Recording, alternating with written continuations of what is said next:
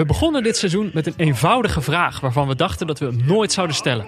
Hoe is het om voetbal te kijken tijdens een pandemie? Vinden wij nog steeds soelaas en vermaak in stadions zonder publiek, terwijl we zelf noodgedwongen binnenblijven? Zo halverwege het seizoen aan het einde van het jaar kunnen we voorzichtig wat voorbarige conclusies trekken. Wat waren de hoogte- en dieptepunten voor de neutrale kijker? Wat nemen we mee naar 2021 en wat laten we achter in dit verdorven jaar? Wie heeft ons er doorheen gesleept en wie heeft het laten afweten? Als één ding duidelijk is, dan is het dat voetbal bijna altijd doorgaat. Maar is het ook nog leuk om naar te kijken? Dat is een heel andere vraag.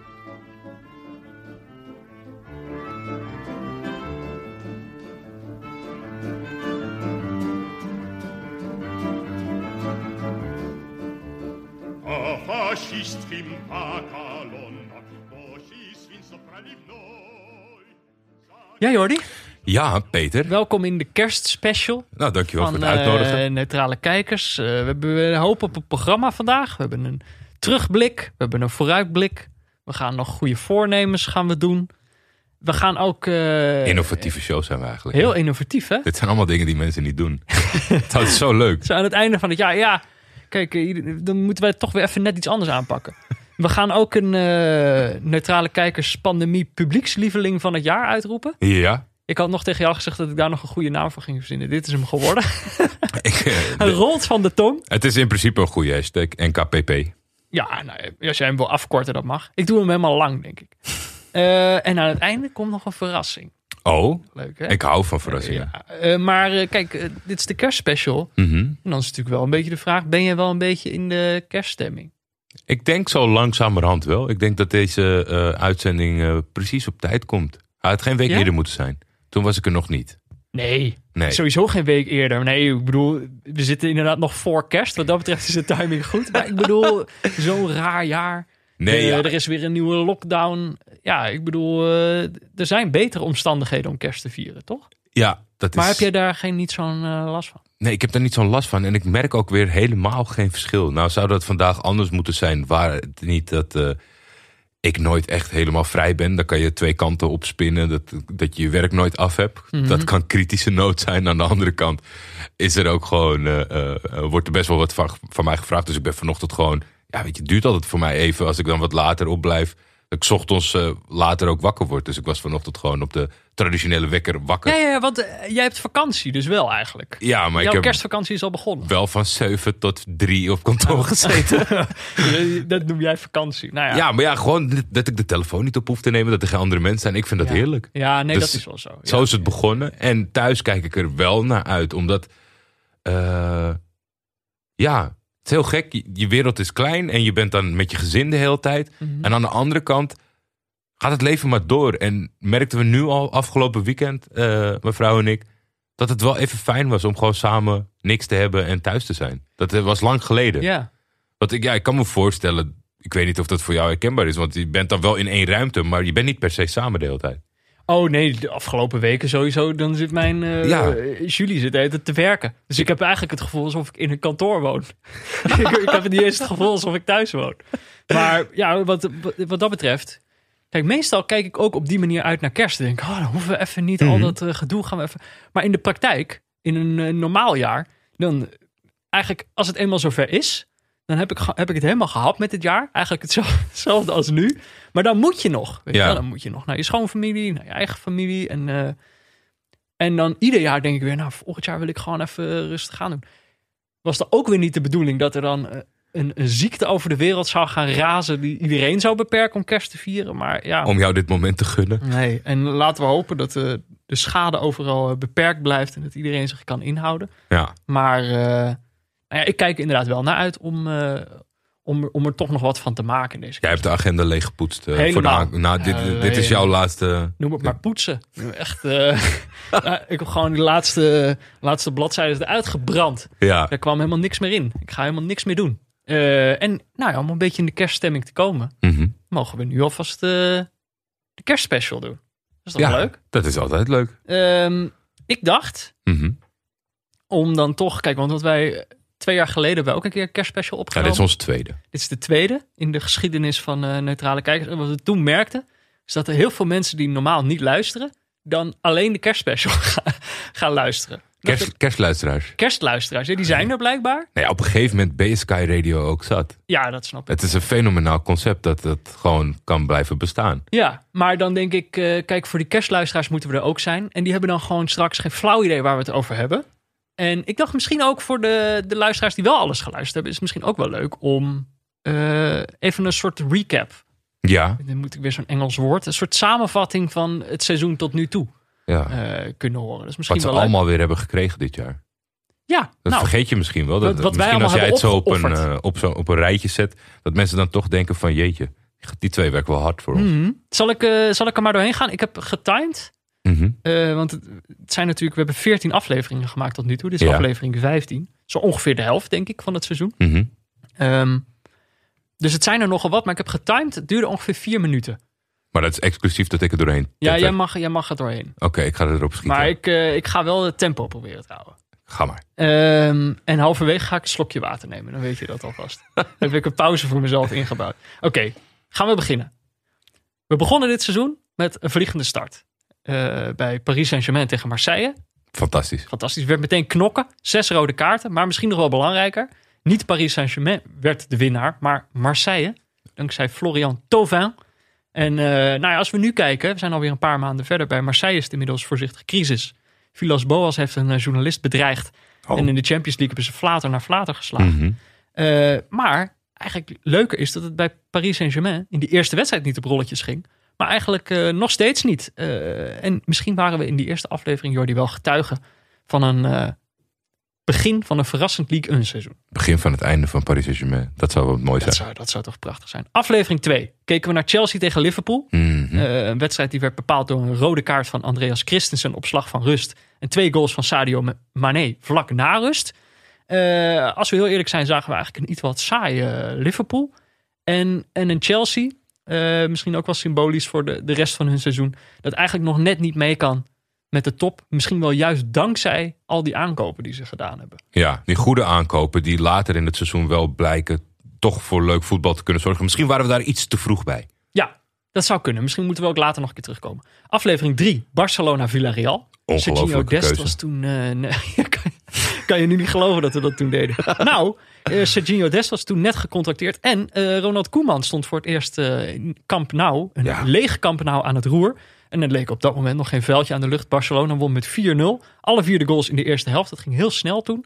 Eh, en op gescoorde penalty na deed eh, Messi helemaal niks. Was ook eh, symbolisch voor de rest van het seizoen. Wij moesten het vooral hebben van de 17-jarige Ansu Fati. Ik weet helemaal niks meer van deze wedstrijd. Zal ik je dat vertellen? Ik weet- ik- maakte ik weet twee helemaal- doelpunten. Maar Ja. daarom maak ik een recap, Jordi. Ook voor jou. Dankjewel. In aflevering 4 hadden we een primeur. Als je dit niet meer weet. Voor het eerst deden we namelijk verslag van een wedstrijd die niet eh, gespeeld werd. Hm. Die wedstrijd Mij enorm door. bevallen. Napoli werd door de GGD van Napels verboden om af te reizen naar Turijn. eh, waar Juventus op hun beurt eh, de vermoorde onschuld speelde. En zich aan alle protocollen hield. Netjes aangekleed stonden ze op de aangewezen tijd op het veld.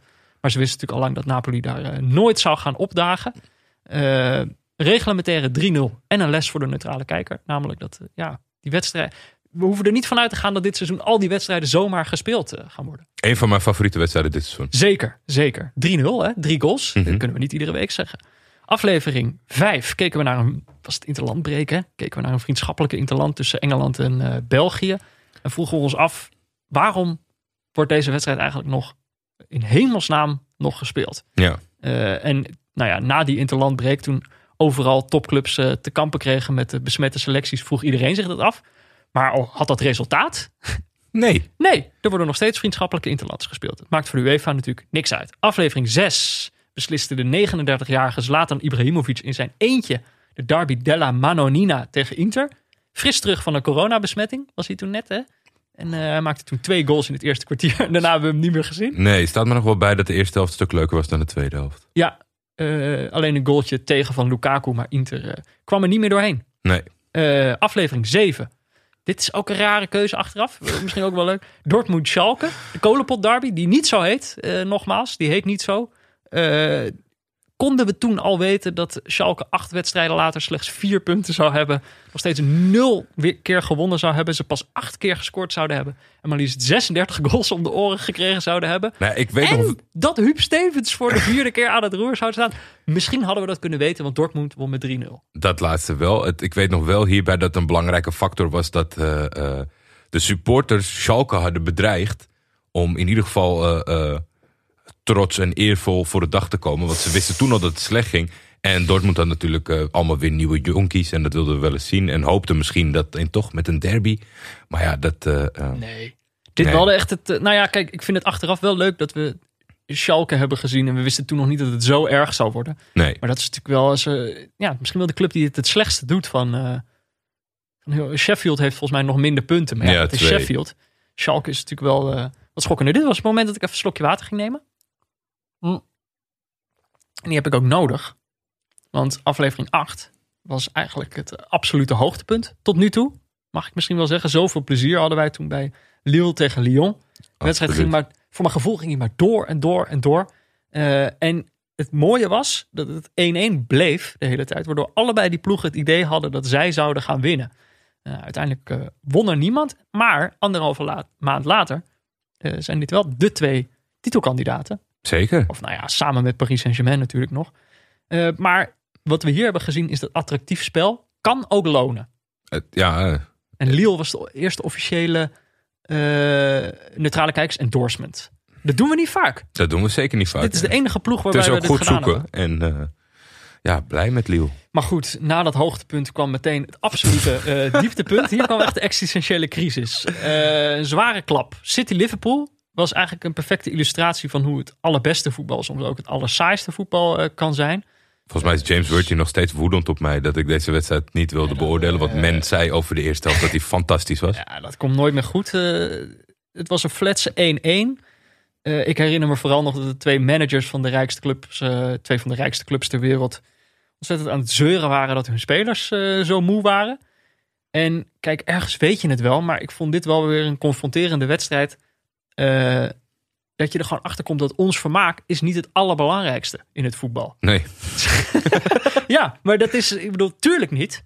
Maar toch is iedere keer om daarover na te denken, is toch weer raar. Vermaak is gewoon helemaal niet het belangrijkste. Die ploegen willen gewoon resultaten. ik denk dat er een heleboel mensen zijn die het helemaal niet op de lijst hebben. Nee, nou ja, en jij, eh, werd nog steeds, eh, jij wordt nog steeds woedend als je eraan terugdenkt. Maar gelukkig was het daarom meteen daarna interlandbreek. En zijn wij even wat anders gingen gaan doen. En uiteindelijk kwamen wij uit die existentiële crisis weer als herboren terug. Met een nieuw voornemen. We wilden geen goed voetbal zien, maar leuk voetbal. Eh, we hebben die topclubs in de topcompetities toen even gelaten voor wat ze waren. En we hebben ons toen besloten over te leveren aan het eh, avontuur. Nou ja, we kunnen voorzichtig stellen dat ook dat eh, niet echt effect had. Vanaf het moment dat we dat besloten, hebben we drie uur naar wedstrijden zitten kijken waarin niet gescoord werd. Ongelooflijk. hè? Eerste Aziatische Champions League, aflevering 11. Suwon tegen Guangzhou. Avontuur was leuk, de wedstrijd niet. 0-0. Toen de Zweedse clubs Helsingborg en Valkenbergs, aflevering 12. Allebei op het randje van degradatie. Eh, maar daar was op het veld helemaal niks van te zien. Eh geen strijdlust. 0-0. Allebei de ploegen zijn inmiddels ook gedegradeerd. Toch nog gerechtigheid. Aflevering 13 eh, dachten we, nou dan is het toch maar tijd voor het grof geschut.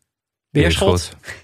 De Antwerpse ploeg stond op dat moment dat wij gingen kijken bovenaan met eh, onverbloemd kamikaze voetbal. Kijkers zagen daar gemiddeld vijf doelpunten per wedstrijd. Behalve natuurlijk als wij keken.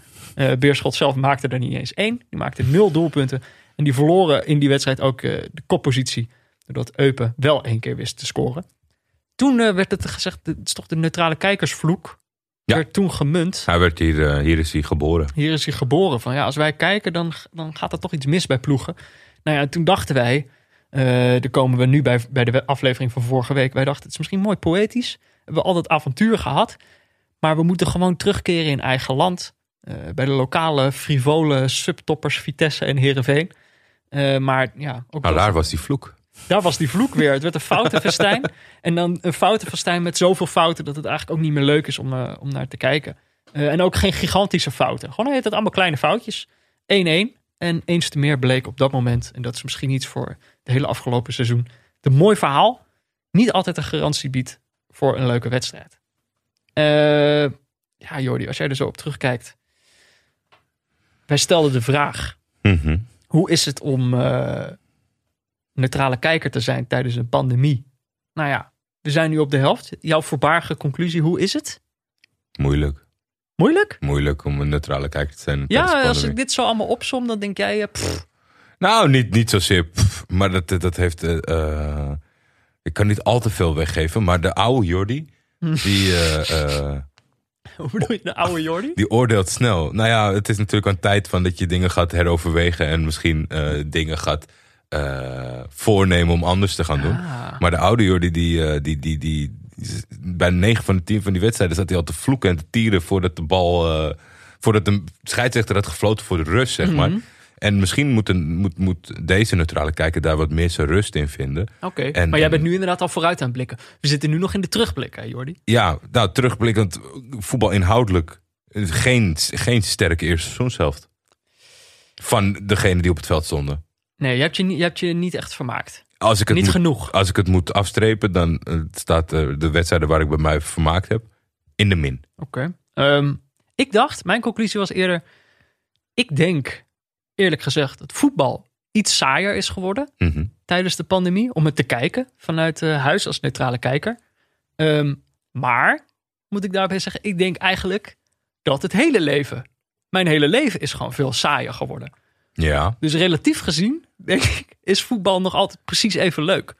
Eh, het is alleen gewoon, het hele leven is saaier. En, eh, en, en voetbal ontkomt daar helaas eh, niet is de aan. functie van voetbal, zou de functie van voetbal niet moeten zijn om, om je, dat het iets extra's biedt in je gewone leven? Dus dat het Mhm. niet heel veel invloed zou moeten hebben. Of dat het juist extra leuk zou moeten zijn nu je zelf thuis niks meer doet? Ja, eigenlijk, en dat is natuurlijk wel je hoop. En dat is het, we, hebben al meer dan 100 afleveringen gemaakt. Voetbal is voor ons natuurlijk ook altijd een heerlijk escapisme. Ja, Iets waar je, waar je gewoon eventjes alleen maar naar dat spelletje kan kijken. En eh, ja, die rol is denk ik lastig te vervullen als er geen publiek eh, in het stadion zit. Ehm, ja, dan komt het toch nooit helemaal tot leven voor mijn gevoel. En eh, dat is toch die, die deken die over dit seizoen hangt. Ehm, met toch ook, ik bedoel, escapisme is gewoon zo moeilijk in deze, in deze pandemie, omdat het overal is. Ja. Ook als je dat voetbal zit te kijken. Kijk, op zich, je ziet nog allemaal gasten die elkaar wel mogen aanraken. En eh, ik bedoel, het, het- wat op het veld gebeurt, daaraan denk je, oh, er is niks aan de hand. Maar toch, ja, ik bedoel, ontbreken er weer spelers omdat ze besmet zijn. Of, ja, en het eh, geheel heeft het toch best wel veel te maken.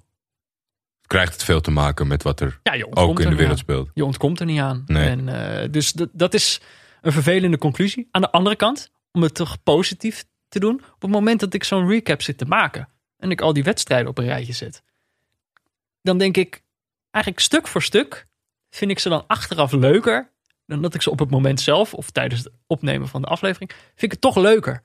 Ik bedoel, dat is ook logisch, want achteraf is het heel grappig dat wij naar een Zweedse degradatiekraker hebben zitten kijken. Waarvan Ja. wij dachten dat hij op de leven en dood zou zijn. Die dan uiteindelijk zo ontzettend gezapig is. Dat is achteraf heel grappig. 90 minuten gewoon naar saai voetbal zitten kijken. Dat is achteraf grappig. Ja, ik heb gisteren heb ik een, een, een eh, denk wel een uur voor me uit zitten staren om eh, over dit soort zaken na te denken. En ik, mijn conclusie ligt ook wel een beetje hetzelfde. Ja, En dat is, eh, dat is hoopvol. Dat is hoopvol. ja toch? Ja, Achteraf kunnen we er toch altijd wel wat betekenis weer aan geven. En daar zit ook een deel van de lol. En als je je dan ja, anderhalf uur verveelt tijdens zo'n wedstrijd... dan kan je je nog wel troosten met de gedachte dat het achteraf heel grappig is. Eh, even kijken, we hebben, we hebben een paar categorieën. ja. dacht ik, moeten we doen. Om, eh, om het een beetje onze terugblik te stru- structureren. Eh, dus we hebben een paar vragen. Namelijk, wat nemen we mee van dit jaar naar het nieuwe jaar? Hm. Wat laten we achter in het oude jaar? Ik dacht, we moeten toch ook iemand aanwijzen die het heeft laten afweten dit jaar. Toch een beetje kritisch blijven, maar om dan positief eh, te eindigen. ehm, gaan we uiteindelijk de neutrale kijkers pandemie publiekslieveling uitkiezen. ja. En dat is dan, dat is dan moeten we iemand aanwijzen die ons echt door deze moeilijke, moeilijke tijd heen heeft gesleept. Die ons wel heeft gegeven wat niet iedereen heeft eh, kunnen geven. Ik zit nu te kijken naar wat ik gisteren allemaal heb ingevuld voor mezelf. En dan denk ik van, eh, misschien dat je het iets lichter moet opvangen. Ik heb wel hele, hele zware recht Oh. toe recht aan thema's gekozen. Nou ja, maar ik ga, er, mij, ik ga eh, er proberen wat... Je kent mij, Jordi. Ik, ben, ik, ben, ik moet dan maar de optimist zijn. Ja, doe twee. jij dat mag maar. Jij de, mag jij lekker mopperen. Nou ja, wat nemen we mee? Had, Ja. had ik. eh, ik heb voor het eerst in al die tijden misschien wel voetbal kijken. Het idee dat eh, misschien wel door gebrek aan afleiding... of misschien wel dat het een rare situatie is... dat spelers en teams en betrokkenen ergens eh, voor durven te staan op dit moment. Ergens eh, zich over uitspreken. En, en dat vind ik wel een goede ontwikkeling die erbij is gekomen. We hebben natuurlijk vrij recent gehad eh, eh, met Paris Saint-Germain, Başakşehir. Al dan niet zeg maar wat je ervan vond, van wat de, van, van, van wat de reden ervan was. Er, was. er waren twee ploegen die gezamenlijk zeiden: hier staan Ja. wij niet voor, wij gaan weg. En dat is natuurlijk iets waar we altijd een soort van luchtbel eh, of, of, of idee van... je moet gewoon van het veld lopen, maar dat gebeurde maar niet en dat gebeurde maar niet. Ja, precies. Het blijft heel vaak bij symbolische acties. Exact. En nu voor het eerst, en weet je ook in Engeland hoe ze dat eh, eh, maar blijven doen om voor de wedstrijd even te knielen. Het, blijft ook opmerkelijk genoeg fout gaan dat sommige spelers toch een sprint trekken op de helft van de tegenstander. Ja. Maar gewoon het geheel dat. weet je, het heeft daar te maken met, met de aandacht voor, voor Black Lives Matter. En ze doen, blijven dat gewoon consistent doen. En dat vind ik wel mooi, omdat het ook, het is ook weer niet zo van, oh lekker makkelijk eh, onderwerp, want er is de hele wereld over eens. Ja. Och, gek genoeg een, groot, een heel groot deel niet. En dat vond ik wel een mooie bijkomstigheid van het rare voetbal op dit moment. Dat ik het idee heb dat veel meer mensen zich durven te uiten. Ja, ja, ja, ik kan me er wel iets bij voorstellen. Ik denk dat ik had er nog niet zo over nagedacht. Maar het is inderdaad, eigenlijk was dit een geval. Ik denk ook wel. Kijk, het is natuurlijk een, een, een scheidsrechter in plaats van een, eh, een speler. Maar dit was ook echt een moment. Heel vaak heb je dat spotje say no to racism. Ja. Maar nu werd er ook daadwerkelijk eh, nee tegen gezegd. En niet een soort ha- halfslachtig gekonkel. Ja, en het, het, het, het allerergste was hier niet, want dat is altijd dat negen van je, van je, van je team, teamgenoten aan je gaan trekken en zeggen dat je door moet. Ja, En zeggen dat je, ah nee, kom, beetje, kop op, schouderklopje. En het ging heel snel. Ja. Het was heel snel een collectieve beslissing van als, eh, als deze scheidsrechter zich eh, racistisch uit, dan gaan wij deze wedstrijd niet spelen. Nee, En eh nou, dat vond ik inderdaad een krachtig symbool. Dus dat mag mee naar 2021. van jou. ja, mag blijven. Oké, ik heb een andere. Dit is een beetje, een beetje banaal, maar ja, het moet toch ook even genoemd worden. Zeg dat eens. Want ik, wil ik iedereen toch even terugnemen naar een moment waarop wij wel echt opveerden van het voetbal op tv. Ik denk collectief. Ik denk dat iedere voetbalkijker, iedere neutrale kijker die er is, eh, vond dit een, mooi moment. Het is namelijk de knock-out fase van de Champions League. Ah ja, Die moest natuurlijk ook verlaat worden, worden afgemaakt. De Ja. competities hadden stilgelegen. En toen kwamen ze met de aangepaste versie in Portugal. eh, met niet twee wedstrijden in de knock-out fase, maar gewoon eentje. een duel op alles of niet. Ja, en ik moet zeggen, als ik, ik probeerde dus. Ik wist vrij snel van, oh ja, dit wil ik. Zo moet de Champions League ook in het nieuwe jaar worden. Ja. Dat was gewoon in mijn herinnering fantastisch. Ik had niet per se meer op mijn netvlies wie dan die ploegen eh, waren. Eh, maar op zich, als je er naar kijkt, bijvoorbeeld in de kwartfinale, dat je Leipzig tegen Atletico Madrid, Atalanta tegen eh, Paris, Saint-Germain. City Lyon en Barcelona tegen Bayern München. Nou, er zitten toch een aantal ploegen tussen die je daar niet per se verwacht. Mhm. Het is natuurlijk jammer dat Leipzig in de halve finale werd uitgeschakeld door Paris Saint-Germain. Eh, en Lyon door Bayern München, waardoor je toch nog wel een redelijke cliché Tradi- finale. traditionele finale. Ja, Paris was natuurlijk wel een. eh, een- Maar ik vind dat nooit zo erg als het in de aanloop, als er, als er genoeg reuring is, zoals jij ze net opdoet met een Atalanta, Leipzig en Lyon. Mhm. Dan vind ik het niet eens zo erg dat de, de, de boemannen de finale halen. Nee, en, maar ik denk uiteindelijk was dit een voorbeeld van. eh entertainmentwaarde was veel hoger. Mhm. Die wedstrijden, ik, ik, deels had het denk ik ook gewoon te maken met die spelers. Een heel aantal van die spelers hadden al een tijdje niet gespeeld. Die zaten te popelen. Ehm, wij hadden al een aantal een, een tijd geen Champions League voetbal meer gezien. Dus wij Ja. zaten ook te popelen. Eh, dus dat barstte toen allemaal zo, eh, zo uit. Maar ook gewoon, het is één wedstrijd. Ja, En eh, gewoon in één wedstrijd kan je nog wel eh, een ploeg verslaan die beter maar waar is. gaan ze spelen, Peter? Stel, Oh, het moet in één land weer gebeuren. Ja, ik weet niet of dat per se hoeft. Ja, of je bedoelt uit of thuis. Ja. Dat eh, probleem. Ja joh, maar daar vind je maar een oplossing voor. ja, ik, ja, toch? of de Ja, UEFA. jij, ja, de UEFA, weet ik veel. Maar kijk, dit was echt een voorbeeld. Tuurlijk, er is gewoon, als je kijkt naar geld, dan Mhm. wil je uit en thuis spelen. Heb je, twee, heb je dubbel zoveel wedstrijden Ja. om, eh, om te verkopen. En eh, dan heb je dat inderdaad, dat gezeik niet van wie speelt uit en thuis. Maar als je nou eens wel vermaak als het belangrijkste neemt. En spanning en verrassing. eh, eigenlijk Ik, alles. ik stond echt te kijken dat de UEFA eh er positief over was. Ja, puur, want puur vanuit de saaie redenen die jij zegt. Van, eh, dat, dat wordt nooit net zo aantrekkelijk financieel. Maar toch hadden zij zoiets van, wij hebben hier Mhm. Ja. ook wat eh, ingezien. Ja, maar dat is ook waarom ik het noem. Ik ruik een kans. Ehm, namelijk, kijk, heel vaak. Wij, ik, ik heb vaak genoeg dit soort betogen. En ik zeg, ja, het voetbal is niet leuk genoeg meer en zo. Maar ja, dan weet je ook wel, dat gaat echt niet veranderen. Terwijl hier heb ik het gevoel van, hier ligt nog wel een kans dat ze dat toernooi toch een beetje op de schop gooien. En dat ze opeens wel gewoon naar die enkele knock-out fase gaan. Ik denk dan dat ze het doen als die Super League doorgaat. Dus dat de hele wereldtop vertrokken is. En dat ze dan zeggen, ja, jullie, jullie mogen gewoon één wedstrijd. Is toch hartstikke leuk, knockout? Oh ja, nou ja. Dat hoop ik dan weer niet, inderdaad. Dat dan eh, die Super League komt en dat we, dan, dat we dan pas dit krijgen. Maar dit was een voorbeeld. En dit was ook een van de leukste voetbalmomenten van het jaar. Ja, en zeker een van de leukste bijkomstigheden vanwege eh, COVID. Ja, een positief eh, gevolg ervan. Ja, en ik hoop, zeg Mag maar... ook wel gezegd dat is worden. natuurlijk in zo'n jaar eh, zijn dingen dan opeens anders. Kan je opeens zien, we moeten dit anders doen. Laten we het hopen. Maar met die gedachte, Mhm. eh, we moeten dingen anders doen. Wat laten we dan achter in het oude jaar? Overvolle speelschema's, Ah, dacht ik. ja. Ik heb helemaal, dit is ook gewoon. Weet je, elke dag voetbal helpt ook niet bij het ervaren van Nee. leukigheid. Nee, als je elke dag snoep eet, dan word je misselijk. Exact. En dan op een gegeven moment vind je dat hele lekkere snoepje niet meer lekker. Ja.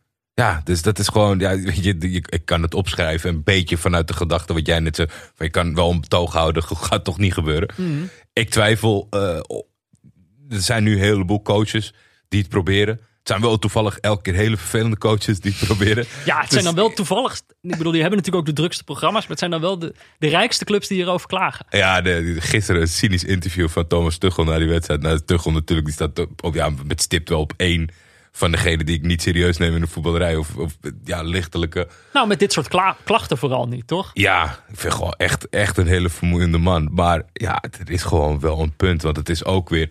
Gisteren schakel je met z'n allen in voor Lille Paris Saint-Germain. Dat moet dan het, het duel worden.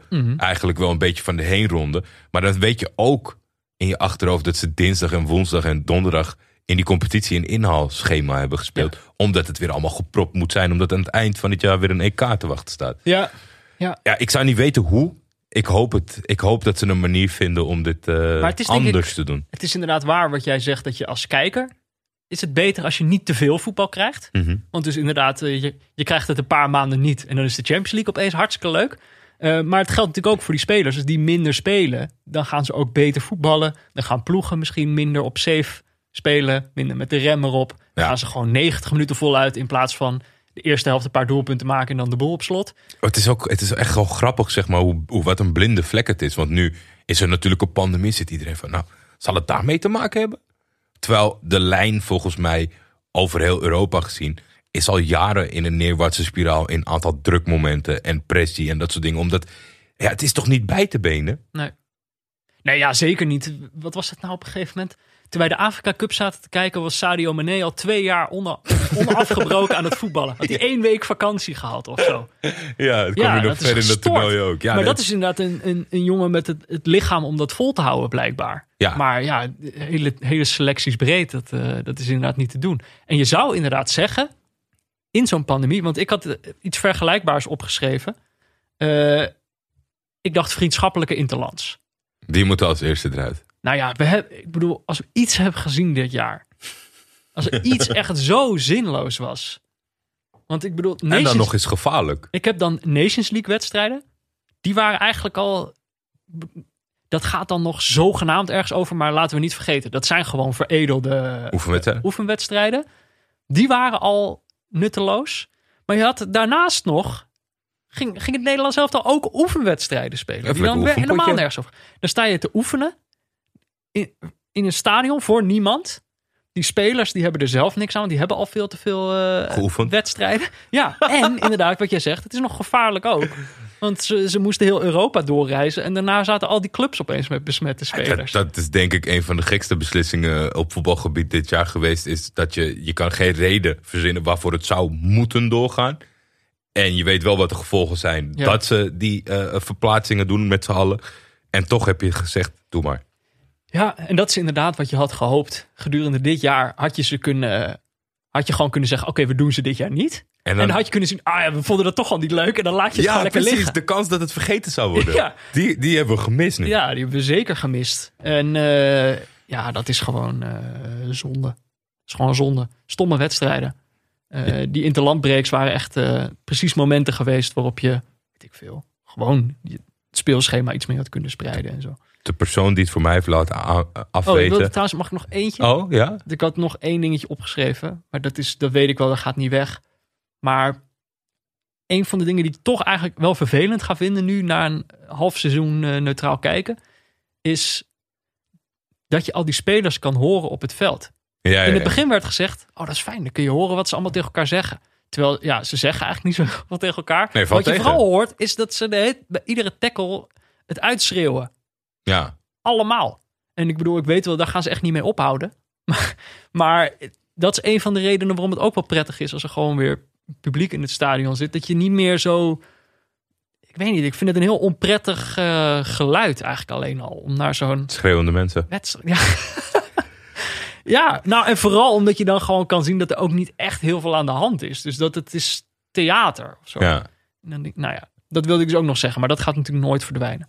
Het kan Nou, alleen verbloemd worden door het publiek. En nu sluit mijn persoon die het heeft laten aanweten niet meer goed aan op Oh. het verhaal. Maar dat geeft niet. Wie, wie heeft het laten afweten voor jou dit jaar? Eh, dat is toch. eh, Ik kwam tot de conclusie: eh, Ronald Koeman. Hè? Ja. Die, die heeft het voor mij laten Ga je afweten. Ronald Koeman cancelen? Nou, nee, cancelen wil ik zeker niet Oh. doen. En eh, eh, het is gewoon zo dat er was. Hij is bij Oranje gekomen. Het is natuurlijk een, een, een moeilijk project. Mhm. Hoe we daarin staan. Een heleboel mensen geven geen fuck totdat je geplaatst bent. En dan ga je een beetje mee op, op, op, het, op het ding. Eh, op het succes van een eindtoernooi. Mhm. Maar Nederland zat echt in een, in een, in, wel in een wak. Hij kwam, zag, overwon. Eh, met, een, met een eh, goede aanpak, denk ik. Men gaat nu vaak zeggen van hoeveel... De wedstrijden, de, op begin, de, de eerste paar interlands van de nieuwe bondscoach waren niet zo. Dat mensen zeiden, ja, maar bij hem was het ook al niet zo. Maar dat, dat vond ik dus niet. Ik vond het heel rustgevend dat Ronald Koeman de bondscoach was. Hij had een heel consistente aanpak. Ja, hij werkte naar zijn mogelijkheden. Binnen eigenlijk van dat je dacht van... nou ja, het zou leuk zijn als Nederland zich ooit nog weet te plaatsen voor een eindtoernooi. dacht je van, hé, hey, kan We maar gek, win- we gaan winnen. het gaat gek lopen op het EK.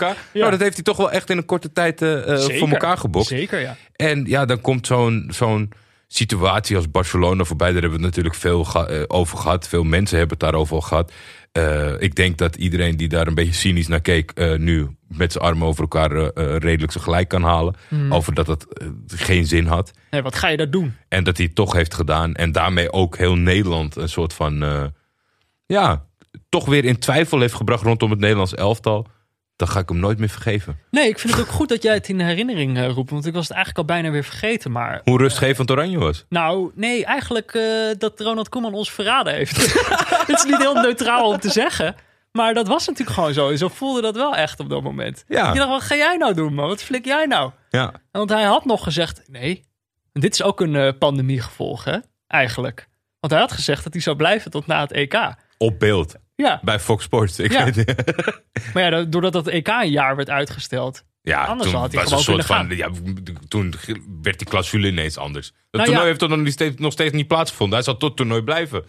Kan je wel zeggen, ja, het is opgeschoven. Maar dat Mhm. verandert je clausule toch niet mee? Nou ja, ik snap wel dat het eh, zijn situatie verandert. En, ik bedoel, als er dus geen, eh, als er geen corona was geweest en we Mhm. hadden dat toernooi gehad, dan was hij misschien daarna wel gewoon gegaan. En dan eh, had, het je, had je het dan minder erg gevonden? Ja, zeker. Dan, had ik, dan hadden we toch met z'n allen gezegd. Want dan waren we. Europees kampioen. Ja, en dan, en dan komt hij ook lekker er binnen in Barcelona. Ja, Weet je? dat is waar, dat is waar. Dat is waar. Oké, Ronald Koeman heeft het laten afweten in Ja. eh, 2010. Ik ben heel benieuwd naar jouw keuze. Eh, Tenzij Liverpool- ik het ben. Nee, nee, Jordi. natuurlijk niet. Liverpool. Liverpool. Moet ik toch even, ja, wil ik toch even ze- gezegd hebben. Het is een heel slecht moment natuurlijk. Ze hebben dit weekend met 7-0 gewonnen. Ehm, Staan bovenaan. maar ja, staan gewoon weer bovenaan in de Premier League. Dus eh, mijn timing is niet top. Daar, eh, daar ben ik het helemaal mee eens. Maar ben nou eens heel eerlijk. Iedereen die hier naar luistert. James Worthy is al lang afgehaakt. eh, nadat jij ze hebt afgeschreven. Maar ben nou eens heel eerlijk tegen jezelf. Hoe vaak heb je ze nou zo leuk gezien als twee jaar geleden? Wij hebben dit seizoen twee keer naar Liverpool gekeken. Mhm. Eh, tegen Chelsea en tegen City. En oké, deels kunnen ze er zelf niks aan doen. Want eh, wat er natuurlijk veranderd is in de afgelopen twee jaar, is dat ze zijn niet langer meer de outsider. Ze zijn nu gewoon de ploeg om te verslaan. Champions League gewonnen, kampioen geworden. Eh, nu zijn zij de ploeg om te kloppen. Dus daar kunnen ze niet zo heel veel aan doen. Ehm, ik bedoel, je kan ook nog best wel argumenteren dat ze al een topploeg waren. Maar er is, er is iets veranderd. Zeker. En eh, op een of andere manier verandert er dan ook als neutrale kijker, deels ligt het bij mij, verandert er dan ook iets. Dan wil je gewoon, je, je wil eigenlijk gewoon altijd dat er iets verrassend, verrassends gebeurt. Dus dat de outsider wint. Ja, daar heeft de aanpak van Klop, eh, die gooit daar redelijk roet in het eten. Want die heeft gewoon zo'n vertrouwde aanpak. En zelfs zijn wissels, Mhm. Ja. dat dat gewoon voorspelbaar Ja, is ja, hij is niet verrassend. Maar ik bedoel, het is ook niet meer verrassend als Liverpool iets wint. Nee, En dus hoe snel dat eigenlijk ook gaat. Dat Mhm. je, twee jaar geleden vond ik het heerlijk om daarnaar te kijken. Zo erg zijn ze niet veranderd. Maar blijkbaar is er dus genoeg veranderd dat ik denk, ja, nou weet ik het wel. Maar dat komt ook door een tweede ding. oh, Is denk ik, wat we al noemden. Hij is een van die coaches die steeds loopt te zeuren dat het programma zo vol is. Mhm. Terwijl ik denk, ja, jij, bent, jij zit ook bij een van de clubs die tenminste kan betalen om zijn selectie eh, breed genoeg te maken. Doe dat dan ook. En je hebt ook een brede selectie, maak er dan gebruik van. Eh, en dat ze in wedstrijden vaak veel vaker op safe zijn gaan spelen. Deden ze eigenlijk al vorig jaar. Deden ze dat eigenlijk al. Ja. Maar dit jaar viel me dat veel meer op. In de Champions League gewoon een B-elftal opstellen. Eh, in de competitie heel vaak gewoon het gas eraf halen. Nogmaals, slechte timing. na, na de 7-0. Maar ja, ik denk dus... Ik kom er nu voor het eerst achter als neutrale kijker... hoe snel je went. hoe, ja, en hoe snel een ploeg saai wordt. En hoe snel je ze weer wil zien vallen. Want ja, zo, ze zijn nog steeds eigenlijk wel leuk. Maar ik wil, ik wil gewoon dat het, eh, dat het fout gaat. En ik denk dat het ook fout gaat als ze op deze manier doorgaan. Dus als je op safe gaat spelen, als je gaat zeuren, dan roep je iets over jezelf af. Dus eh, ik, mijn voorspelling is dat Liverpool nul prijzen gaat pakken dit seizoen. Wil ik toch even gezegd hebben? Heb ik dat even voorspeld? En verder, ze waren dus eigenlijk het leukst, denk ik, twee jaar geleden. Toen ze de titel verspeelden. Op één punt eh, achter City eh, eindigden. Eh, dus ik hoop eigenlijk ook dat ze dit jaar niks winnen. Want dan zijn ze misschien weer wat leuker in het nieuwe jaar. Ik denk dat eh, de achterliggende, ach- de achterliggende verhaal van dit geheel is dat je als neutrale kijker nooit één ploeg kan omarmen. Want dan krijg je dit. Ja. Je kan niet. Wat dan ben je. eh, Ook Ja, je misschien blijft deels, zwerven. deels neutraal. Verlies je neutraliteit omdat je het zo'n leuke ploeg vindt. Mhm. Hoop je ook dat ze van alles winnen. Dus het is eigenlijk heel logisch wat jou is overkomen met Liverpool, Peter. Ja, dit is gewoon eh, je lot als neutrale kijker. Dat je iedere keer als je Je kan niet blijven hangen. Je moet, Je moet door. Je moet weer door. Wij zijn zwervers. Zwervers door de, door de voetbalwereld. Neutrale kijkers, pandemielieveling. Oh Nee, jongen, pandemie, publiekslieveling. Ja, ja, ja. Sorry. Rot van de tong, hè? Neutrale kijkers, zover. pandemie, publiekslieveling. Het is zover. We gaan hem eh, uitroepen. Wie sleept de neutrale kijker door de pandemie heen? Voor mij Ja. is dat geworden Ben benieuwd, ben benieuwd, ben benieuwd. Burak Yilmaz. Ja. oh ja. Maar hij is de reden dat ik Lille heb ontdekt. In die zin eh, dat ik eh, meer dan geconcentreerd in het begin ben gaan kijken hoe dat daar ging. Hoe het zich daar, daar ontwikkelde. En zo heb ik eigenlijk mijn liefde van de eerste seizoen zelf ontdekt. Want Borak Yilmaz is deze zomer heeft hij de transfer naar Lille gemaakt. Ja, hij wilde zijn carrière afsluiten bij Besiktas. Mhm. Hij, was al, eh, hij was net 35 jaar geworden. Eh, mocht daar wel transfervrij vertrekken. Hij had net ook gezegd daar in Turkije juist van eh, een rol. of tenminste, hij had een... Wat is het ook weer? Net zoals de socials, zeg maar, zo'n ding ondertekend. Dat hij ook een bestuurlijke functie zou uitoefenen Oh ja. later. En dat hij wat wilde doen voor de club. En dan ineens, Burak Yilmaz gaat naar Lille. Wat? Het Gewoon een hele gekke timing. 35, overal al alles gedaan. Eh, leek juist af te willen sluiten. Besiktas bleek dan zijn club. Gozer heeft bij alle topclubs in Turkije gezeten. Eh, overal ging hij met tranen weg. Ja, ik weet niet. Misschien is het gewoon een hele emotionele jongen. Ik heb wel gewoon een bijzonder plekje van hem. Omdat ondanks dat hij overal heeft gezeten... ik zijn periode bij Galatasaray echt fantastisch vond. En het heel erg vond dat hij toen vertrok naar China. Maar dan komt hij daar ineens terecht. En die hadden natuurlijk een Turkse rechtsback. En ze hadden vorig jaar al een, een, een Turks talent gekocht van Trabzonspor. Dus daar zat ook wel wat achter.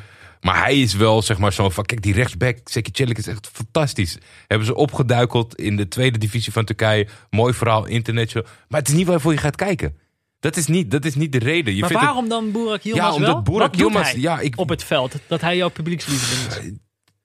Nou ja, laten we zeggen dat hij eh, er alles aan doet optisch om, om, om, om. Hij laat lijken alsof hij alles eraan doet om zijn ploeg te laten winnen, slash zelf te scoren. Mhm. En ja.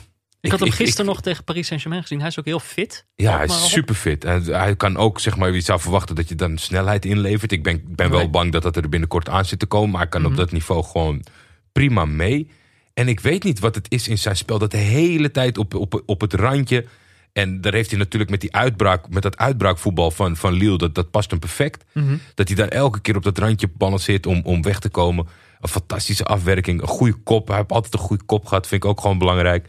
En ja, dat het zo perfect bij elkaar paste, dat, eh, dat heeft mij er echt doorheen geslepen op voetbalgebied. Oké, goed om te horen. Burak Yilmaz Ja, is jouw pandemie, neutrale kijkers pandemie publiekslieveling van 2020. mijn neutrale kijkers pandemie publiekslieveling is Boerak Yilmaz. Ja. Eh, die van mij zit er niet heel ver vandaan. Oh, Ik heb, oké, want ik. Bamba. Ik dacht, het eerste wat ik dacht was, Mourinho mag niet. Nee, dat had ik ook al. Het staat in mijn hoofd. Ik denk, het zo voor de, voor de hand ligt Ligt, dat ook. ligt voor de hand, doe, doe ik niet. Mag niet. Eh, en toen ging ik nadenken van, ja, maar wat, wat, wat wil ik met zo'n prijs nou zeggen? Wat moet iemand doen voordat hij van mij deze, deze prijs krijgt? Dacht ik, het moet eigenlijk een nieuw iemand zijn. Dus iemand die ik voor dit jaar nog niet kende. Deel van de lol van neutraal kijken is voor mij nieuwe spelers zien. Dat ging, geldt bij mij niet voor Yilmaz. Nee, die heb je al, al lang, eh, lang gezien. Maar ik dacht, ik bedoel, ik vind ook niet dat jij de, die, op, op die gronden hoeft te kiezen. Mhm. Maar ik dacht, dat is voor mij is Een belangrijk belangrijk. factor. Iemand die dus echt mijn leven heeft verrijkt. Die daarvoor nog niet was. En nu wel. Dus eh, ja, Eh, jij hebt hem al genoemd. Het is Bamba. Echt? Ja. maar dat was ik dacht dat jij zit dichtbij. Ik denk, het is gewoon iemand van die aanvalslinie. Maar ja, ik snap, ik snap heel goed. Kijk, ik heb veel meer... Ik denk over het algemeen wel dat ik meer dingen doe in deze shows op emotie dan jij. Dus vandaar dat ik bij Boerak Yilmaz ben uitgekomen. Maar ik begrijp jouw keuze. Ligt het vooral toe. Ik vind het een heerlijke voetballer. Nou ja, ergens is het natuurlijk ook weer, kom, kom ik weer met een linksbuiten. Blijkt Ja. toch iedere keer weer, dat, daar heb ik een soort voorkeur voor, voor Mhm. linksbuitens. Eh, ja, Jonathan Bamba. eh, vijf goals, zes assists in 15 eh, wedstrijden. Dus hij doet, eh, Mooie cijfers. doet alles in de aanvalslinie. Hij is 24 jaar, is van Ivoriaanse afkomst. Ivoriaanse Fransman. Linksbuiten, zei ik al. Ehm, ja, hij is vorig seizoen naar Lille gegaan. Het seizoen, daarvoor- nou ja, in het begin van vorig seizoen. Toen zijn eh, contract afliep bij Saint-Etienne. Op huurbasis gespeeld bij eh, Paris FC. Sint-Truiden, wist je dat? Nee, Sint-Truiden wist ik niet. En Angers. En eh, ja, nu dus gewoon... Hij is dus transfervrij vertrokken bij Saint-Etienne. Snap je niet als je hem nu ziet spelen. Eh, nou ja, hij is eh, snel. Hij is, de, hij is de Sven Botman van Saint-Etienne. van Lille. En in de aanval. maar hij is snel. Hij is behendig. Ja, maar Peter, dat moet je even toelichten. Want hij, is- hij, hij is snel. Dat, er zijn heel veel mensen die snel zijn. Hij is ja, Het is gewoon... niet normaal snel. Nee, het is gewoon... Kijk, want uiteindelijk... Dit is gewoon volledig gebaseerd op één wedstrijd. dat ik hem dit eh toebedeel. Eh, namelijk die wedstrijd tegen Lyon. Waarbij je gewoon je ogen niet kan geloven. Ik heb die jongen gewoon nog nooit gezien. En gewoon compleet ongrijpbaar. Gewoon inderdaad zo snel, behendig, gretig. Hij heeft ook iets... Dat is toch eigenlijk altijd leuk... eh, iets opportunistisch. Mhm. Dus gewoon nog net wel achter een bal aangaan. Of net gokken op dat een bal op een bepaalde plek komt. En dat, dat geluk heeft hij dan. Eh, en ik dacht uiteindelijk, dacht ik... ehm, weet je, dat ik dan niet kies voor een, eh, een of ander verborgen diamantje... of een of andere tienjarige speler van Borussia Dortmund die het nieuwe talent is. Maar het heeft dus ook, denk ik, iets heel moois. Hij is, hij is 24. Die ik, tot op dit moment heb ik hem gewoon nog nooit zien spelen tot op die wedstrijd. Die mij op die ene avond gewoon een heerlijke avond heeft bezorgd. Dan denk ik, meer verwacht ik eigenlijk ook niet. Gewoon, eh, Eigenlijk hoef je als speler dus maar één goede wedstrijd te spelen. Precies als ik kijk en ik vergeet je nooit meer. Dat is eh, mooi gezegd. Ik denk eh, dat we vooral als enige een beetje moeten uitkijken dat we niet. eh, Het is overcellen nu. nou, dat we Lille voor onszelf. Ja, die kans zit er dik in. nou ja, maar twee, ik bedoel, ze hebben twee pandemie publiekslievelingen in Ja, dat is de gelederen. Dus Ajax mag de borst nat maken voor deze Dat lijkt mij ook. Ehm, Oké, dan eh, zit onze terugblik erop. Fijn. Dan, Dat is eh, een mooie terugblik. dan gaan we heel even naar een berichtje van onze sponsor. En dan gaan we daarna vooruitblikken.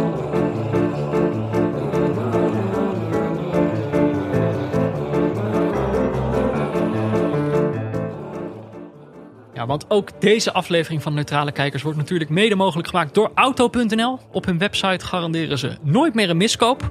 Eh, nou ja, in de afgelopen weken. Het is hun website ook alweer trouwens, ik zit het nu te noemen. www.auto.nl Oh ja, ja, ja, ja. Nou ja, in de afgelopen weken hebben we het steeds gehad over miskopen. Of spelers die miskopen zouden kunnen worden. Of die als miskopen werden betiteld. Maar we dachten, zo aan het einde van het jaar moeten we het misschien van een positieve kant bekijken. Want er wordt ook heus wel eens een goede aankoop gedaan. Laten we eerlijk zijn. Ja, en dat is ook. eh, we, we gingen steeds beschouwen van eh, welke situatie Auto.nl kan voorkomen. Mhm. Maar er is natuurlijk ook, eh, als je daar een auto koopt, Ja, dan gaat het dus goed. En daar zijn ook gewoon voorbeelden van. Ik ben er zelf tot. eh, ik heb er zelf twee. Ik weet niet of ik ze allebei mag twee noemen. aankopen van het jaar. Ja, dat is eh, zeg maar. In, een eh, Nou, ges- jij mag er twee, want zal ik... Sorry, ik ga heel even door je heen. Nee, dat mag. Want ehm, ik dacht namelijk, ik wilde het namelijk over Burak Yilmaz gaan hebben. Ja. Maar dat heb jij net al gedaan. Oh, dat was jouw. eh, oh ja. Nou ja, omdat ik dacht, het is een goed voorbeeld. Want het is ook goed dat je het net nog niet hebt genoemd. Want dat is eigenlijk een goed voorbeeld. Want Lille verkoopt eigenlijk hun beste spits, Osimhen. Die, eh, die vertrekt naar Napoli voor ontzettend veel geld. Dan halen ze een, een vergelijkbare, eh, talentvolle speler in Jonathan David. Ja. Van Genk, toch? Of Gent? Krijg Niet weer, hè? krijg Niet weer. Belgen weer op ons dak. Van Genk. Genk. Eh, eh, maar, en ik bedoel, dan denk je, oké, dan heb je hem vervangen. Maar dus het slimme was dat ze dan ook gewoon een 35-jarige gast halen. Waarvan je al weet dat hij dit goed gaat doen. Of in ieder geval die zich overal al bewezen heeft. Waardoor juist zo'n eh, zo'n zo'n David zich een beetje in de schaduw kan ontwikkelen. Dus dat vond ik een slimme, goede aankoop. Maar jij zegt dus als je een fantastische auto op het oog hebt die nieuw op de markt is, koop dan ook even een goede tweedehands bij auto.nl. Dat je in ieder geval weet dat je van A naar B komt. Nou ja, kijk, wat er natuurlijk Als de- die gekke nieuwe op de markt eh, misschien een beetje tegenvalt of meer tijd nodig heeft. Wat natuurlijk wel op de loer ligt, denk ik, met auto's, is je kan inderdaad zo'n flitsende nieuwe kopen. Maar dan op een gegeven moment, dat is wat volgens mij nu ook bij Lille gebeurt. Je gaat één keer in die oude wagen rijden en je denkt, holy shit, Die was goed. deze rijdt veel beter. Het is veel steviger en zo. Dat is Boerik Yilmaz. Ja. Wie heb jij? Ik heb eh, nou een beetje vergelijkbaar. Ik, ik kwam er niet echt helemaal uit. Ehm, omdat we vorige week natuurlijk in de eredivisie zaten, heb ik, heb ik daar een beetje naar gekeken. Oké, Ik ben eh, eh, na al die jaren buitenlands voetbal dacht ik, ik wil het gewoon naar Nederland halen. Het is ook auto.nl van Ja. Nederland is dat, die afkorting. Dat is waar, dat is waar ook, ja. Eh, twee totaal andere soorten aankoop. Eentje is Mario Gutsen bij PSV. Wat een gokje is. Maar daar had ik wel zoiets van. Zij doen een medische keuring die waarschijnlijk vergelijkbaar is zoals eh Auto.nl dat doet. Zodat je zeker weet dat het niet misgaat fysiek. ja, ja, ja. dat dus het merk was voor je hun helemaal geen gokje waarschijnlijk. Nee, nou ja, ik, ik denk ergens in mijn achterhoofd misschien wel, maar... eh, Hij is eh, wereldkampioen geweest, hè? ja, dat, is, dat klopt wel. Dat klopt zeker. En dat, dat kan je ook zien, omdat het goed uitpakt. Zeker. Dus ik Ja. vond dat wel echt, al, al zou het een gok geweest zijn... dat hij beloond mag worden met deze titel, omdat hij het fantastisch doet. En aan de andere kant is natuurlijk iemand die nog niet zoveel bewezen heeft... en ook eh, alleen maar rondjes heeft gedraaid in een competitie die niet zo aansprekend is. En dat is Anthony van Ajax. En dat kwam ook een beetje vanuit een hele gekke situatie in de media die de hele tijd heel negatief over hem zijn. Ik snap er, ik snap er geen reet van. Deze jongen kwam op het veld. Die had zo'n bravoer. Die, die wilde helemaal niet warm draaien of wat dan ook. Die stond er meteen bij Ajax. Scoorde meteen, dribbelde meteen. En als ik volgens mij één of twee weken geleden... zie ik een lijstje voorbij komen op de tv... met eh, de status van de aankoop Oh, om ja. ze te beoordelen. Er stond een twijfelgeval bij Anthony. Ja, ik weet het niet. Ik, bij mij was na één seconde de twijfel al weg. Ja, je gaat je inderdaad afvragen. We hebben het al de hele tijd over miskopen. Maar blijkbaar is hij er ook een. Ja, of hij stevend er in ieder geval eh, op af, volgens de experts. Nou ja, om dat tegen te gaan, wil ik hem hier aankoop van het jaar noemen. Gezamenlijk met Gutsen. En Burak Yilmaz. En Boerak jongens erbij. Nou ja, het is wel aanval dit hoor, hé. Anthony. Gutsen Boerak. Zou het kunnen? Dat kan wel. Ja, zeker. In de Eredivisie? dat kan alles. Over een paar jaar? Wie weet. Eh, nou ja, mocht je inderdaad eh, nou ook een aankoop van het jaar willen doen... moet je natuurlijk zijn bij eh, auto.nl slash neutrale kijkers. Vooruitblikken, Jordi, op het nieuwe jaar. Het mag voorzichtig. Ja, oké. Ehm, dan dacht ik om te beginnen. Kijk, vorige week eh, zag ik een tweet voorbij komen van een vriend van de show, eh, Sam Planting. Eh, die had een tweet dat op dat moment iedere competitie van de top 5 competities een opvallende koploper had. Ja, dat Een gekke on- koploper. onorthodoxe koploper. Nou ja, dan zijn we een week later. Dan zie je ook hoe volatiel dat soort tweets zijn. Want eh, Tottenham staat niet meer bovenaan. En eh Leverkusen staat niet meer bovenaan. Die zijn allebei vervangen door Liverpool en Bayern. Ja. Dat ziet er toch een eh, stuk orthodoxer, orthodoxer uit. Maar goed, in de andere competities heb je Atletico Madrid. Staat bovenaan in Spanje. Lille staat Hmm, bovenaan voor in. Frankrijk. En AC Milan bovenaan in Italië. En Het is, je- het is gek dat het raar is, maar het is raar. Dat Weet je Milan wanneer ze bovenaan staat. voor het laatst kampioen zijn geweest? Oeh, heb ik opgezocht. 15 jaar geleden? Ja, tien jaar geleden. 10. Eh 2010, 2011. Dus het zou eh, precies tien jaar geleden kunnen zijn. Maar dat is lang hoor. Ja, dat is Oh, zeker lang voor eh, zijn, eh, echt iemand van die status. Alleen maar zesde en zevende eh, geworden. Maar dan is het een beetje de vraag. Kijk, wij hebben volgens mij, toen wij begonnen aan dit seizoen, ehm, toch voorzichtig. In ieder geval ik was natuurlijk weer optimistisch en naïef. En ik dacht, eh, het wordt een knotsgek jaar. We gaan rare uitslagen zien en zo. En hier en daar hebben we die ook wel gezien. Ja. Maar gedurende het seizoen kwam ik toch meer in de gedachte van nou, volgens mij valt het wel mee. Zijn er toch gewoon weer de usual suspects eh, overal. Maar toen ik dus dat tweetje van Sam Planting zag, dacht ik nou, misschien is het seizoen wel veel raarder. Dat heb ik, Dan heb ik ik bijna bij alle tweetjes van Sam Planting. Die zet je toch altijd aan het denken op een Ja. of andere manier. Maar wat, wat denk jij? Zeg maar, wordt het een knotsgek seizoen? Gaan deze ploegen die ik net noemde de race uitzitten? Ik verwacht wel her en der een niet-orthodoxe kampioen. Ik denk niet overal. Ik denk wel dat je nog steeds... Het, kijk, het is natuurlijk nog steeds knotsgek. We komen uit situaties waarin ploegen mijlen ver voor staan. Hè? Bijvoorbeeld eh, eh, de League eh, maar ook een Bayern München kan altijd wel een sprongetje nemen. In Engeland is het dan vaak een strijd van twee. En ik denk dat die topclubs, dat het gaat opbreken, dat het nu daaronder breed is. Zo'n beetje mijn verhaal bij, bij Frankrijk. Op het moment dat het Lille PSG is, tot het einde, dan is het heel vaak heel logisch dat Lille het dan net niet redt, omdat het een eenzijdige strijd is. Ja. Maar op het moment dat Lyon kan blijven aanhangen, Marseille daarachter zit, dan met z'n drietjes. Het kan ook altijd zo zijn hè, dat ze dan toch uiteindelijk elkaar in de, in de voet schieten. Mhm. Maar ik, ik denk wel dat die breed gedragen concurrentie het heel moeilijk gaat maken voor de topclubs om eh, doortastend te zijn. Dus ik hoor voorzichtig, het wordt een knotsgek jaar. Jawel, 2021. jawel, jawel. Ik denk niet eh, in alle topcompetities dat er een gekke kampioen zal zijn. Ik hoop het van harte, voornamelijk voor de, voor de Serie A nog wel het meest, denk ik. Want dat Mhm. is natuurlijk al jaren niet serieus te nemen met Juventus. Nee.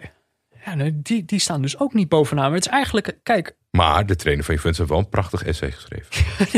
een hele goede scriptie. Ja, Op papier is het een uitstekende trainer. Nou ja, we, we zullen het zien. Het zijn natuurlijk allemaal voorbarige conclusies. Maar toch, ik bedoel, 14 wedstrijden onderweg. We hebben nog niet alle ploegen tegen alle ploegen gespeeld. Maar je krijgt wel voorzichtig een beeld.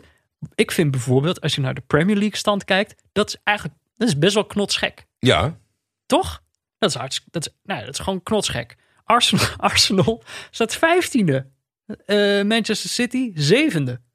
Eh, en wat eigenlijk ook best wel, best wel knotsgek is, is dat Manchester United gewoon derde staat. Dat is, dat is denk ik van dit alles het gekste, vind ik. Hoe dat heeft kunnen gebeuren. Nou ja, het is ook zo, zo hoe makkelijk dat gaat. In onze collectieve be- beleving nemen we Manchester United als club al een tijd niet serieus. Mhm. Eh, Harry Maguire, gekkigheden.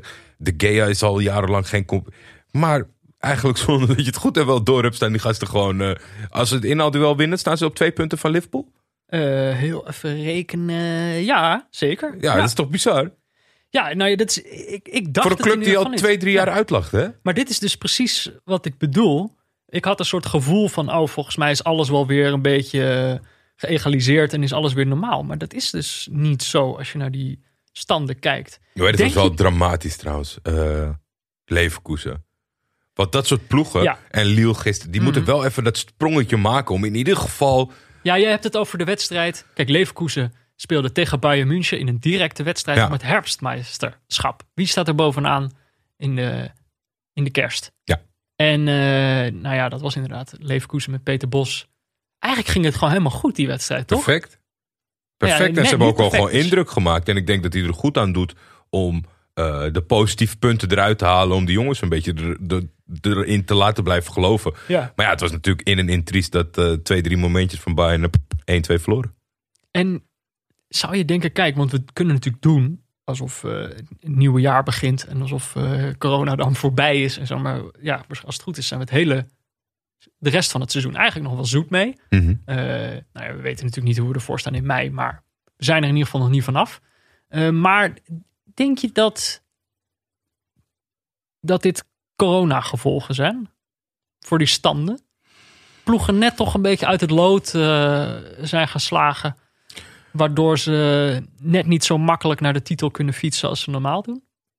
Ik denk het wel, maar misschien niet per se op fysiek aspect, maar wel op mentaal slash motivatie aspect. Ik weet ook niet of ik nu gewoon iets gek zeg, maar ik heb het idee dat ploegen met trainers die dat beter beheersen, Mhm. op dit moment enorm veel voordeel hebben. Want het zijn moeilijke omstandigheden om de hele tijd je focus en, en je concentratie erbij te houden. Ja, Want ik denk dat dat gebrek daaraan ervoor zorgt dat je wat laksig wordt. En wat we ook gewoon zien op de velden. er zijn natuurlijk ook momenten dat, eh, ik denk ook voor, voor spelers individueel, inderdaad, dat bedoel je denk ik ook, dat het voor hun ook een knotsgek eh, seizoen wordt. Ja, maar het is Blijft. natuurlijk gek, omdat je een sport beoefent waarvan iedereen de hele tijd hoopt dat je wat presteert of, of goed doet. En al die mensen zijn weg. je Gewoon ziet ze puur uit je benadering, uit, Ja. uit je ervaring op het veld alleen al. Ja.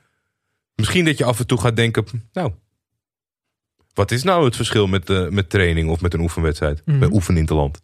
Zullen we een beetje gaan eh, fantaseren over eh, de komende tweede seizoenshelft? Oh ja hoor. Ik dacht, ehm, kijk, om een beetje te fantaseren over wat voor wedstrijden we zouden kunnen gaan kijken en zouden kunnen gaan zien. Mhm. Dacht ik, als we nou naar die standen van die topcompetities kijken. En je mag voor mij ook prima naar andere competities kijken. We hebben een paar ploegen uitgehaald die we dan aan elkaar kunnen pitchen. Ja, Van het is, die wil ik eigenlijk nog wel zien. Een soort verlanglijstje. Van deze wil ik nog zien het, eh, in, de, in, de, in de resterende helft van dit seizoen. mag ik beginnen? Ja, ga je gang. Ik ben Ja. benieuwd wat je hebt uitgekozen. Ik heb gekozen voor, eh, als eerste wil ik eh, jou pitchen. Ik hoop dan niet dat we weer te laat zijn Voor zometeen. 2021. 2021 wil ik kijken met jou naar Celta de Vigo. Oh, waarom? Hè? Waarom? Celta de Vigo.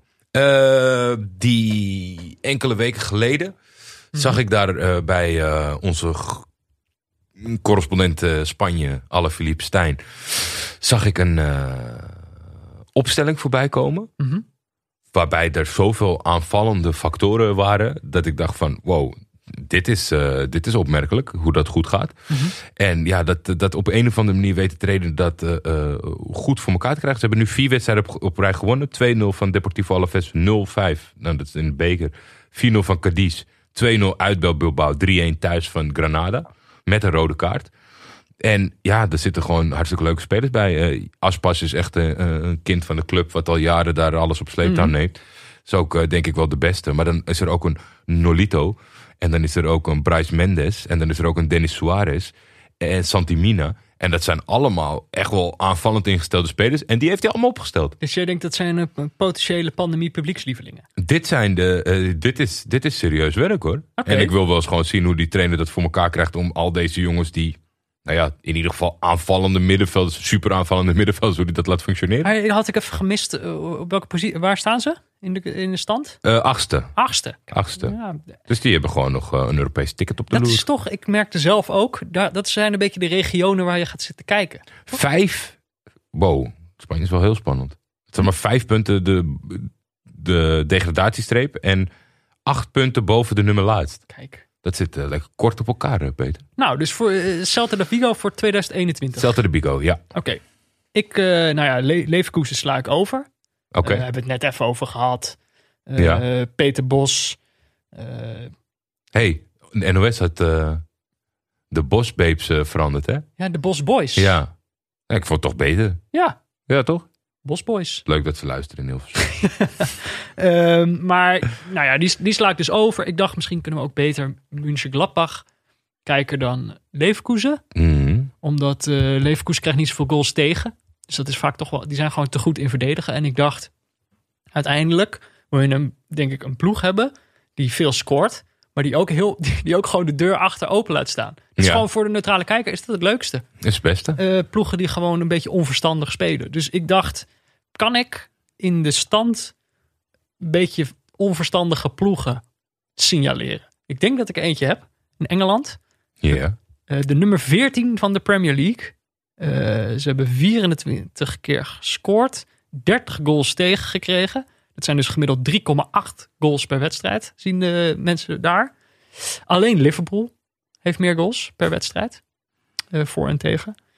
Welke ploeg, weet je wel welke ploeg het is? Nee. Leeds.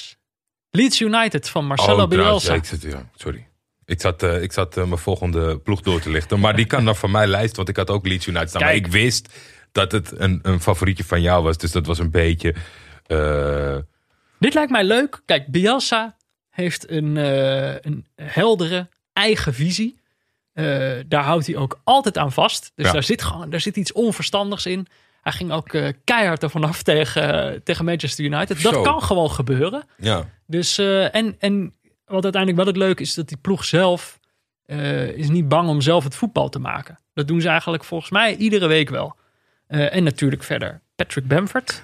Maar ja, bedoel, er zitten natuurlijk nog meer spelers in dat elftal. Ben ik wel eens benieuwd. Wie zijn er nog meer leuk in dat elftal? En ik had gelijk ook al een wedstrijd eh, bekeken. Ik dacht namelijk 31 januari tegen Leicester. Dat zou wel eens een leuke kunnen worden. ja.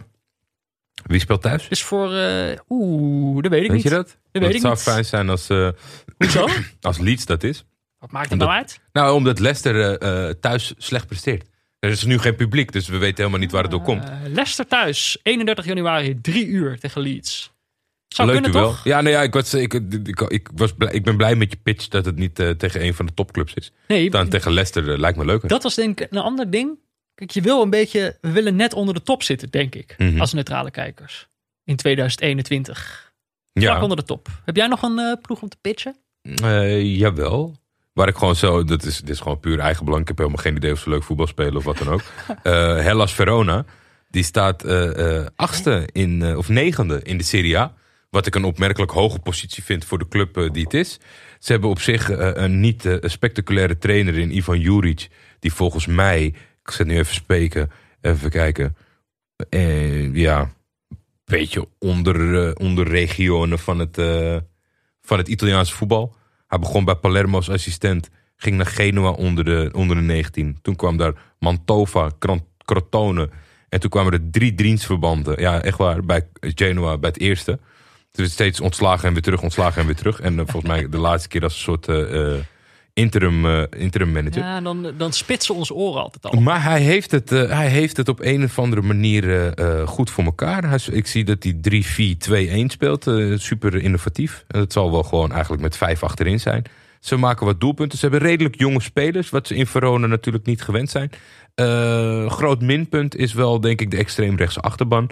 Maar ja, daar vinden we dan wel op. Dan kunnen we dat bekritiseren. Ja, jij bent ook, eh, jij bent, dit is dus puur uit nieuwsgierigheid. Je Ja, dit is, dit is mijn daar. nieuwsgierigheid. Ik vind als Hellas Verona op plek 9 staat, dan, wil ik daar, dan vraag ik me hoe kan dit? Hoe kan dat? Nou, Ja. vind ik een, eh, vind dat kan zomaar een aflevering zijn. En dan moeten we wel even kijken, een ploeg waar ze een beetje kans maken. Ja, Eh, Of, of die jouw interesse weet te wekken dat je denkt, ik zou Ja. wel willen weten hoe dat voetbalt. Vind ik een goeie. Ik heb er nog eentje voor je. Oké, Brest. Stade Brest, Stade Brest. Lille vernederd. Eh, ja, ze staan... Kijk, dit is een beetje een rare keuze misschien. ik heb ze ook nog nooit zien spelen. Ze staan elfde in de Ligue 1. Maar dit is ook weer, dacht ik, even kijken. Eh, ze hebben 27 goals voor en 29 goals tegen. Ja. Dus dit is gewoon, eh, ze, ze vliegen er aan beide kanten in. Mhm. Ze hebben zeven keer gewonnen, twee keer gelijk gespeeld. En zeven keer verloren. Goed. Dus dat eh, waait ook eh, beide kanten op. Lekker symmetrisch. Is goed. In ieder geval weinig gelijkspelen. Ja, gewoon daarom. all out. Ze gaan er gewoon voor. En dat, ja, precies. En dat blijkt ook uit de standen. Hun laatste twee wedstrijden werden allebei 2-2. Vier van hun wedstrijden dit seizoen eindigden in 3-2. Eh, Hmm. Winst of verlies. Het gaat beide kanten op bij deze jongens. Het is ook een beetje... Ik ging naar die ploeg kijken. Ik kende bijna niemand. Alleen Steve Mounier. Ja. Een spits die wij volgens mij op de Afrika Cup ook hebben Afrika kenners zijn we tegenwoordig, hè? Eh, ja, die duiken toch overal weer op. Ehm, ja, ze spelen ook pas net een seizoen op, eh, dus op het hoogste niveau in, eh, in Frankrijk. Dat hebben ze vroeger ook wel gedaan, maar ze hebben de hele tijd in de Ligue 2 gespeeld. Ze hebben een hele hoop Franse jongens in de selectie, die ik allemaal niet ken. Maar toen kwam ik een naam tegen. En hier hebben wij het volgens mij nooit on-air over gehad. Eh, maar ken jij de aanvaller Cardona nog? Oh, is dat Paraguay? Nee. Nee, dit is van die idiote goal. Dit is gewoon de meest. De, de, ik weet niet of de Puskas Oh, Award dit, ja. dit seizoen vergeven is. Nou, ik weet- je aan wie? Nee, hij is vergeven al. Ja, hij is vergeven. En niet aan Cardona. Niet door mij, maar want ik doe het ongeveer bijna dagelijks. nou, met, oh, dit is die, die kung fu trap in de lucht. Dit is een ongelooflijke Ja, dit is echt een ongelooflijke ik zal, goal. ik zal hem op vriend van de show eh, in de show notes zetten. Dit is gewoon zoals je zelf droomt dat je scoort. En Ja. dat je er dan in het echt altijd achter komt dat het gewoon niet kan. Dat kan en niet. deze gast doet het. En ik zie niet hoe hij het doet. En ik heb nog nooit van deze gast gehoord. Sindsdien ook nooit meer iets van deze gast voorbij zien komen. Dus misschien was het gewoon één moment of magic. Maar die speelt bij Brest. Dus ik, ja, die, daar moeten we gewoon een keer naar kijken. De- Ja. Hij is eh, gesnupt voor, Ik ga de, toch, voor de eh, Puskas Award. Ja, nu je het laat En- vallen. En het laatste dingetje, jij zei het helemaal aan het begin, nu toch nog erbij halen.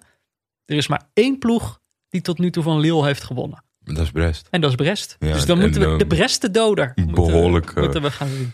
Ja, de, de, de Award is vergeven aan eh Jung Min Son.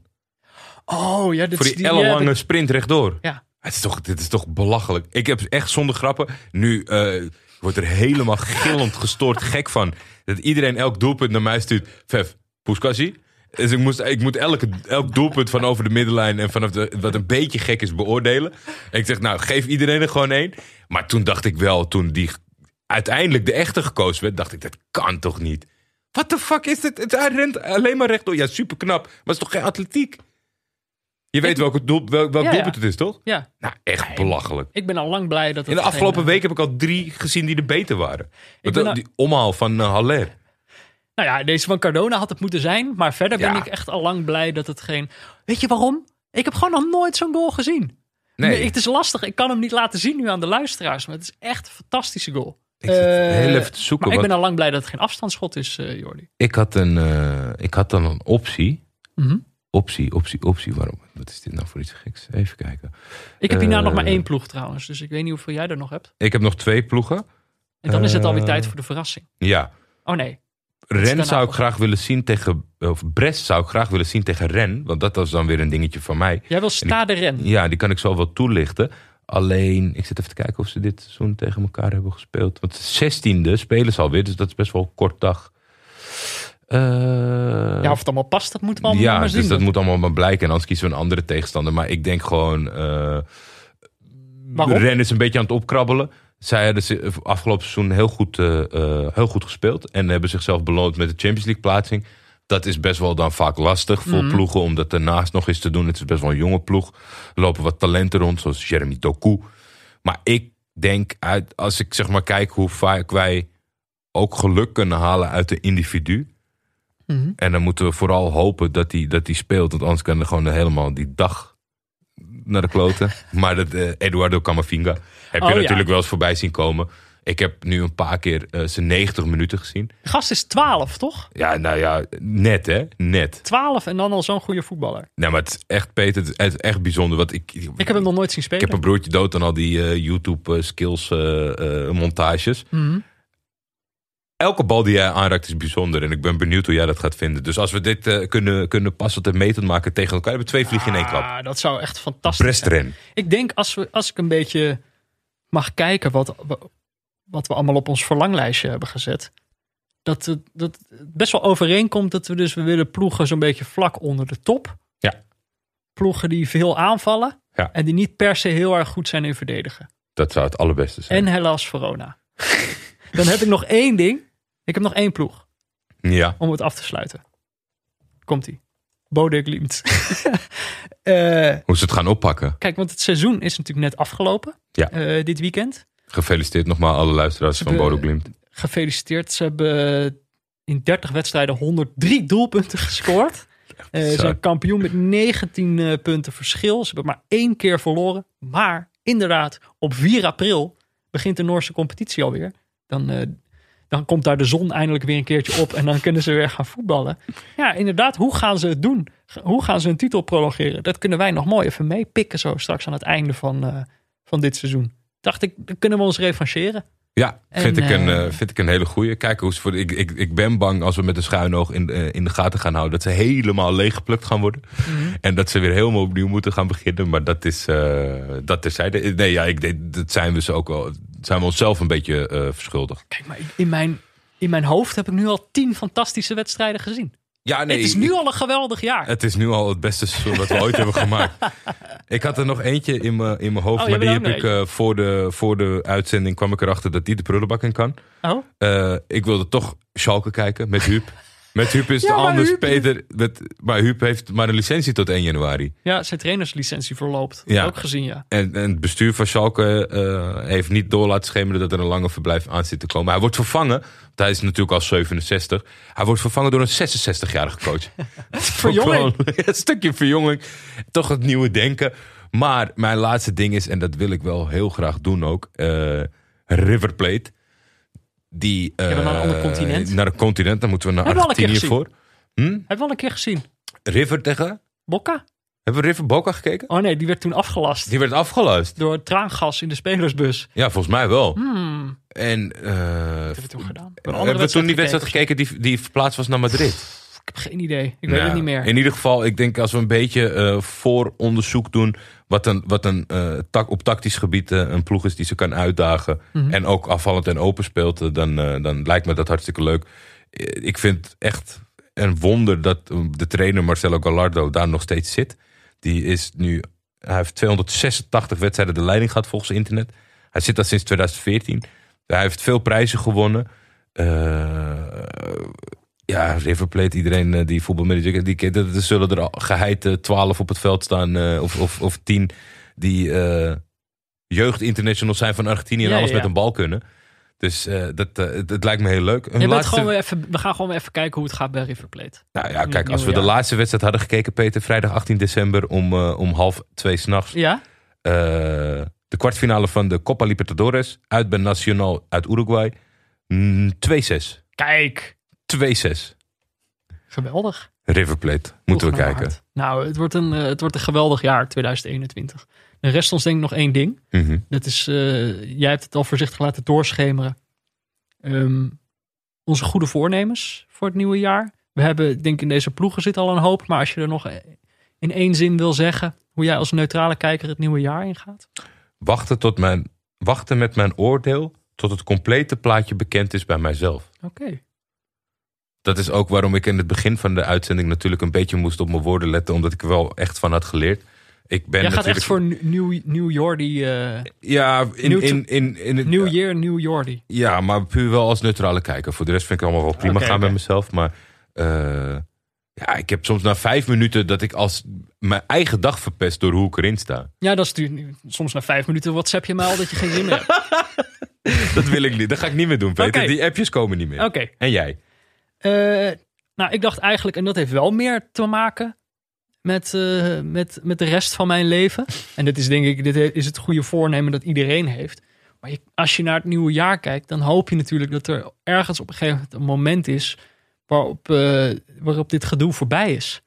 En ik heb dan steeds het idee van als het eenmaal zover is, dan ga, ik, ga ik het er ook vol van nemen. Dan ga ik echt genieten van het leven.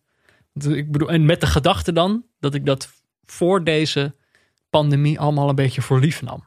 En dat ik eh, het er niet vol van nam. Dat ik dan toch vaak een beetje eh, zat te chagrijnen. En dan heb ik nu de fantasie, als het voorbij is, dan ga ik er zo erg van genieten. En een van de fantasieën die ik heb, dan zie ik zo'n visioen van het eh, EK deze zomer. Mhm. En dat wij dan gewoon weer zonder gedoe elke dag een aflevering kunnen maken. En dat het een geweldig toernooi wordt waar gewoon weer mensen in het stadion zitten. En dit is misschien geen goed voornemen. Nee, het goede voornemen is, als dit allemaal zo is, dan ga ik hier Ga je de vol volste van genieten. Dan ga ik het eh, helemaal eh, op me in laten werken. Ik denk dat dit een heerlijk vooruitzicht is voor de gemiddelde luisteraar. Want als jij een beetje inzet toont, kan je best wel leuk podcasten. Ja. Weet je waar ik wel benieuwd naar ben? Nou, Naar de goede voornemens van Pieter Zwart. heeft hij die nog? Kijk, hij heeft het gewoon in classic fashion. Hij, hij is onderweg, volgens mij. Ja, Hij loopt ergens op straat. Kan zijn dat ik me vergis. Volgens mij is hij ook aan het eten. ja heb Te- ik ook het idee dat hij dat tussendoor doet. Even lekker eten. En tussendoor, tussen het eten door, heeft hij toch nog even zijn goede voornemen voor het nieuwe jaar ingesproken. Dat vind ik toch heerlijk. Zullen we er even naar luisteren? Graag. Kijk een pressing. Kijk een pressing.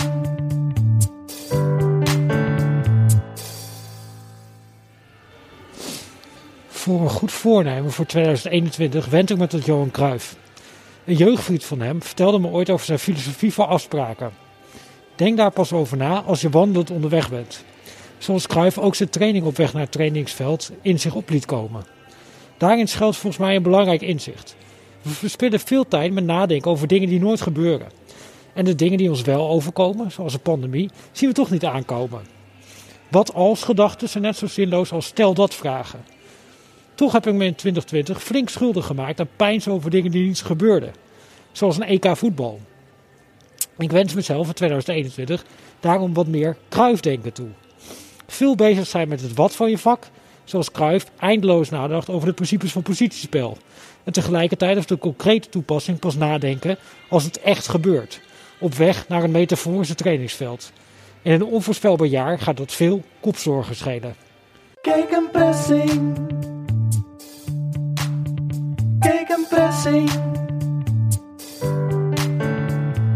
En dan, Jordi, de verrassing. Ik ben heel Ik benieuwd. heb hem tussendoor misschien gen- niet genoeg geteased, waardoor het voor mensen nu daadwerkelijk een verrassing is.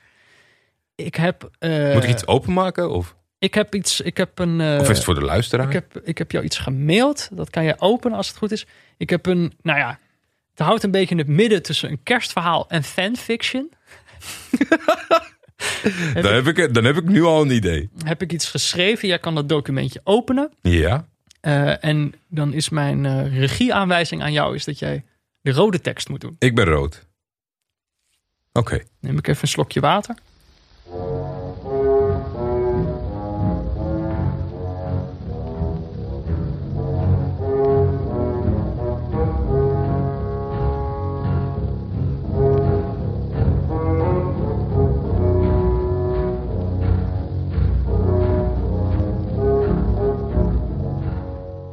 Het is stil in Noord-Londen.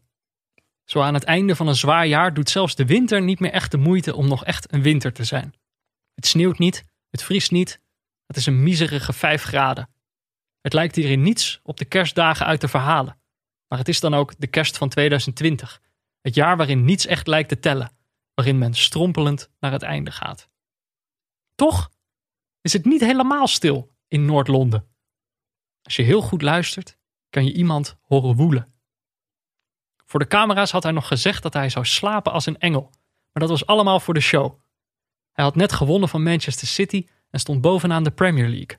Op zo'n moment heeft niemand behoefte aan de waarheid. Dat je helemaal niet slaapt als een engel, maar als een 57-jarige man. Dat je hele nachten zo diep piekert dat je ochtends niet eens kan onderscheiden of je geslapen hebt of niet, of dat je dat nog altijd aan het doen bent. Natuurlijk is hij de koppositie sindsdien ook kwijt. Maar daar gaat het even niet om. Hij voelt zich een wrak, al veel langer. En toch, als hij zich zuchtend omdraait en zijn nachtlampje aanknipt, herkennen we hem. In volle glorie. De tweevoudig Champions League winnaar. The Special One. Hij slaat de deken van zich af. Met zichtbare moeite richt hij zich op en schuift hij zijn voeten in zijn pantoffels. De Special One doet wat hij altijd doet als hij niet kan slapen. Hij sloft de slaapkamer uit naar de keuken. Het licht van de koelkast schijnt fel in zijn ogen. Het is niet zijn eigen koelkast. De Premier League protocollen verplichten hem al maanden niet meer om gescheiden te leven van zijn vrouw en kinderen. Maar als het wedstrijdprogramma drukker wordt, blijft er nog wel eens slapen op Hotspur Way. Of nou ja, niet slapen dus. In de koelkast ligt niets, behalve een enorme gedroogde ham. Hij had die na een verloren weddenschap aan linksback Sergio Reguilon gegeven. En ze waren nog even mee op de foto gegaan, voor Instagram. Maar Reguilon had de ham nooit mee naar huis genomen. En hij had nooit verteld waarom. Misschien was het de verkeerde ham. Misschien houdt Reguilon wel helemaal niet van ham. Precies als de tweevoudig Champions League winnaar zich voorover buigt om het enorme stuk vlees uit de koelkast te tillen en er een plakje van af te snijden, begint het koelkastlampje te knipperen. Uit het apparaat steekt een steeds luider gezoem op. De Special One deinst terug. Is dit het slaapgebrek? Is hij weer aan het hallucineren? Nee, zegt een stem achter hem. De Special One draait zich om en ziet aan de andere kant van de keuken het silhouet van een bekende voetbalscheidsrechter. Als zijn ogen beter aan het felle licht gewend zijn, ziet hij het ne- neongele uniform, het plakkerige gelkapsel en een priemende blik, waaraan hij meteen ziet dat dit niet zomaar een scheidsrechter is, maar een scheidsrechter van wereldklasse. Danny Desmond Macaulay. Dat klopt, zegt Danny Desmond Makkely. Ze noemen mij ook wel Farretje Tijd of Klaas Var.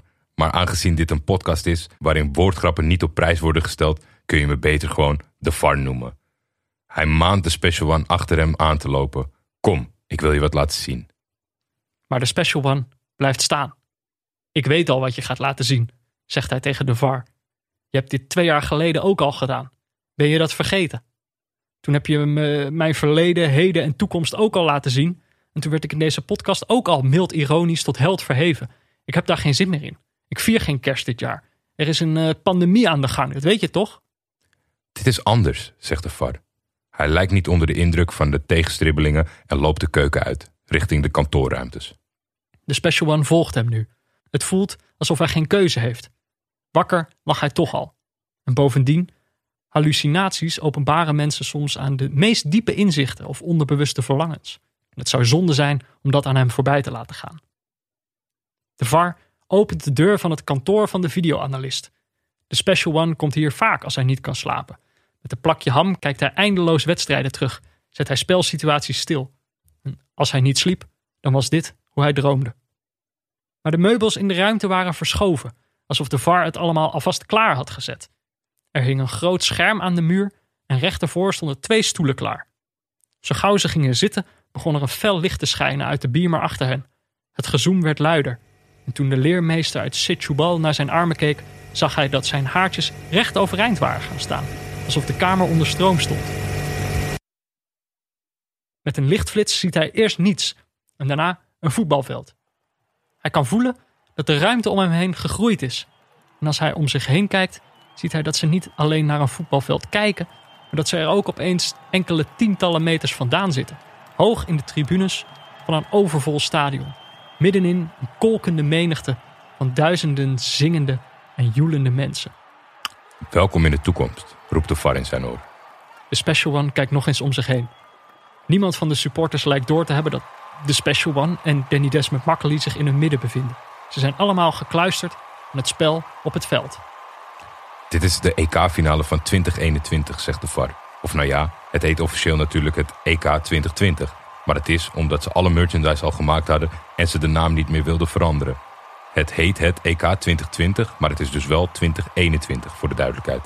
Plotseling veert het publiek op. Er gebeurt iets op het veld. De Special One kijkt en ziet hoe een team in oranje shirts aan een aanval begint. Is dat nou Arjen Robben, die zijn directe tegenstander voorbij speelt? Geeft een afgemeten, indraaiende voorzet naar de spits, die hoog boven zijn directe tegenstander uittorent en de bal in de verre hoek kopt. Het publiek barst uit in gejuich. 1-0, roept de stadionspeaker. Henk Veerman!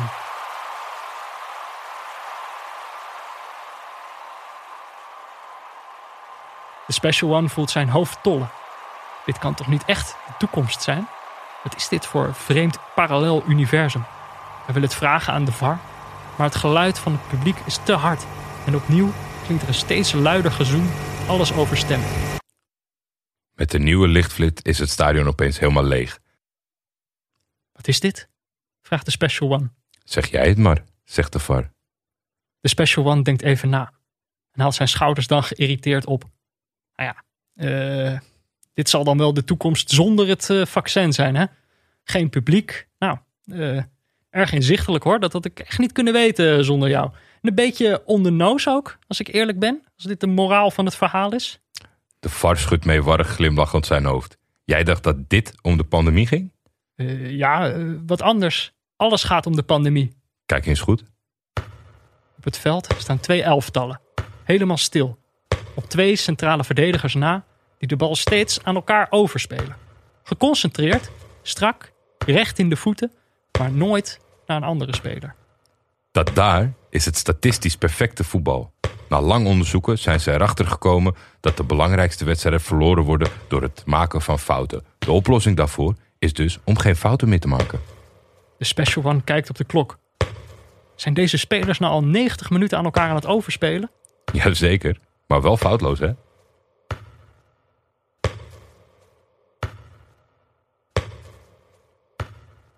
Er is in deze realiteit dus wel een vaccin. Er is alleen niemand nog die zin heeft om naar dit voetbal te kijken. Daarom is het stadion leeg.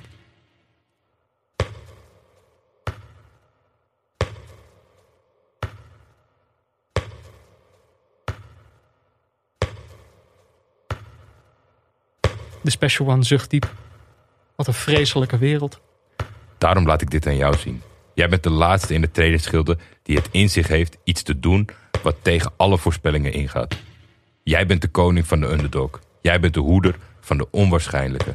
Jij bent de special one. Je hoeft kerst niet te redden. Kerst is al lang verloren. Jij hebt een veel grotere taak. Red het plezier van de neutrale kijkers. En met een flits is dit alles weer verdwenen. Het duurt even voordat hij doorheeft dat hij niet meer in het stadion zit en dat wat hij ziet ook niet langer het projectiescherm van de videoanalist is. De VAR is in rook opgegaan. De Special One staat gewoon weer in de keuken. Recht voor hem een koelkast, zachtjes zoemend. De deur wagenwijd open. Met daar in het midden een enorme ham.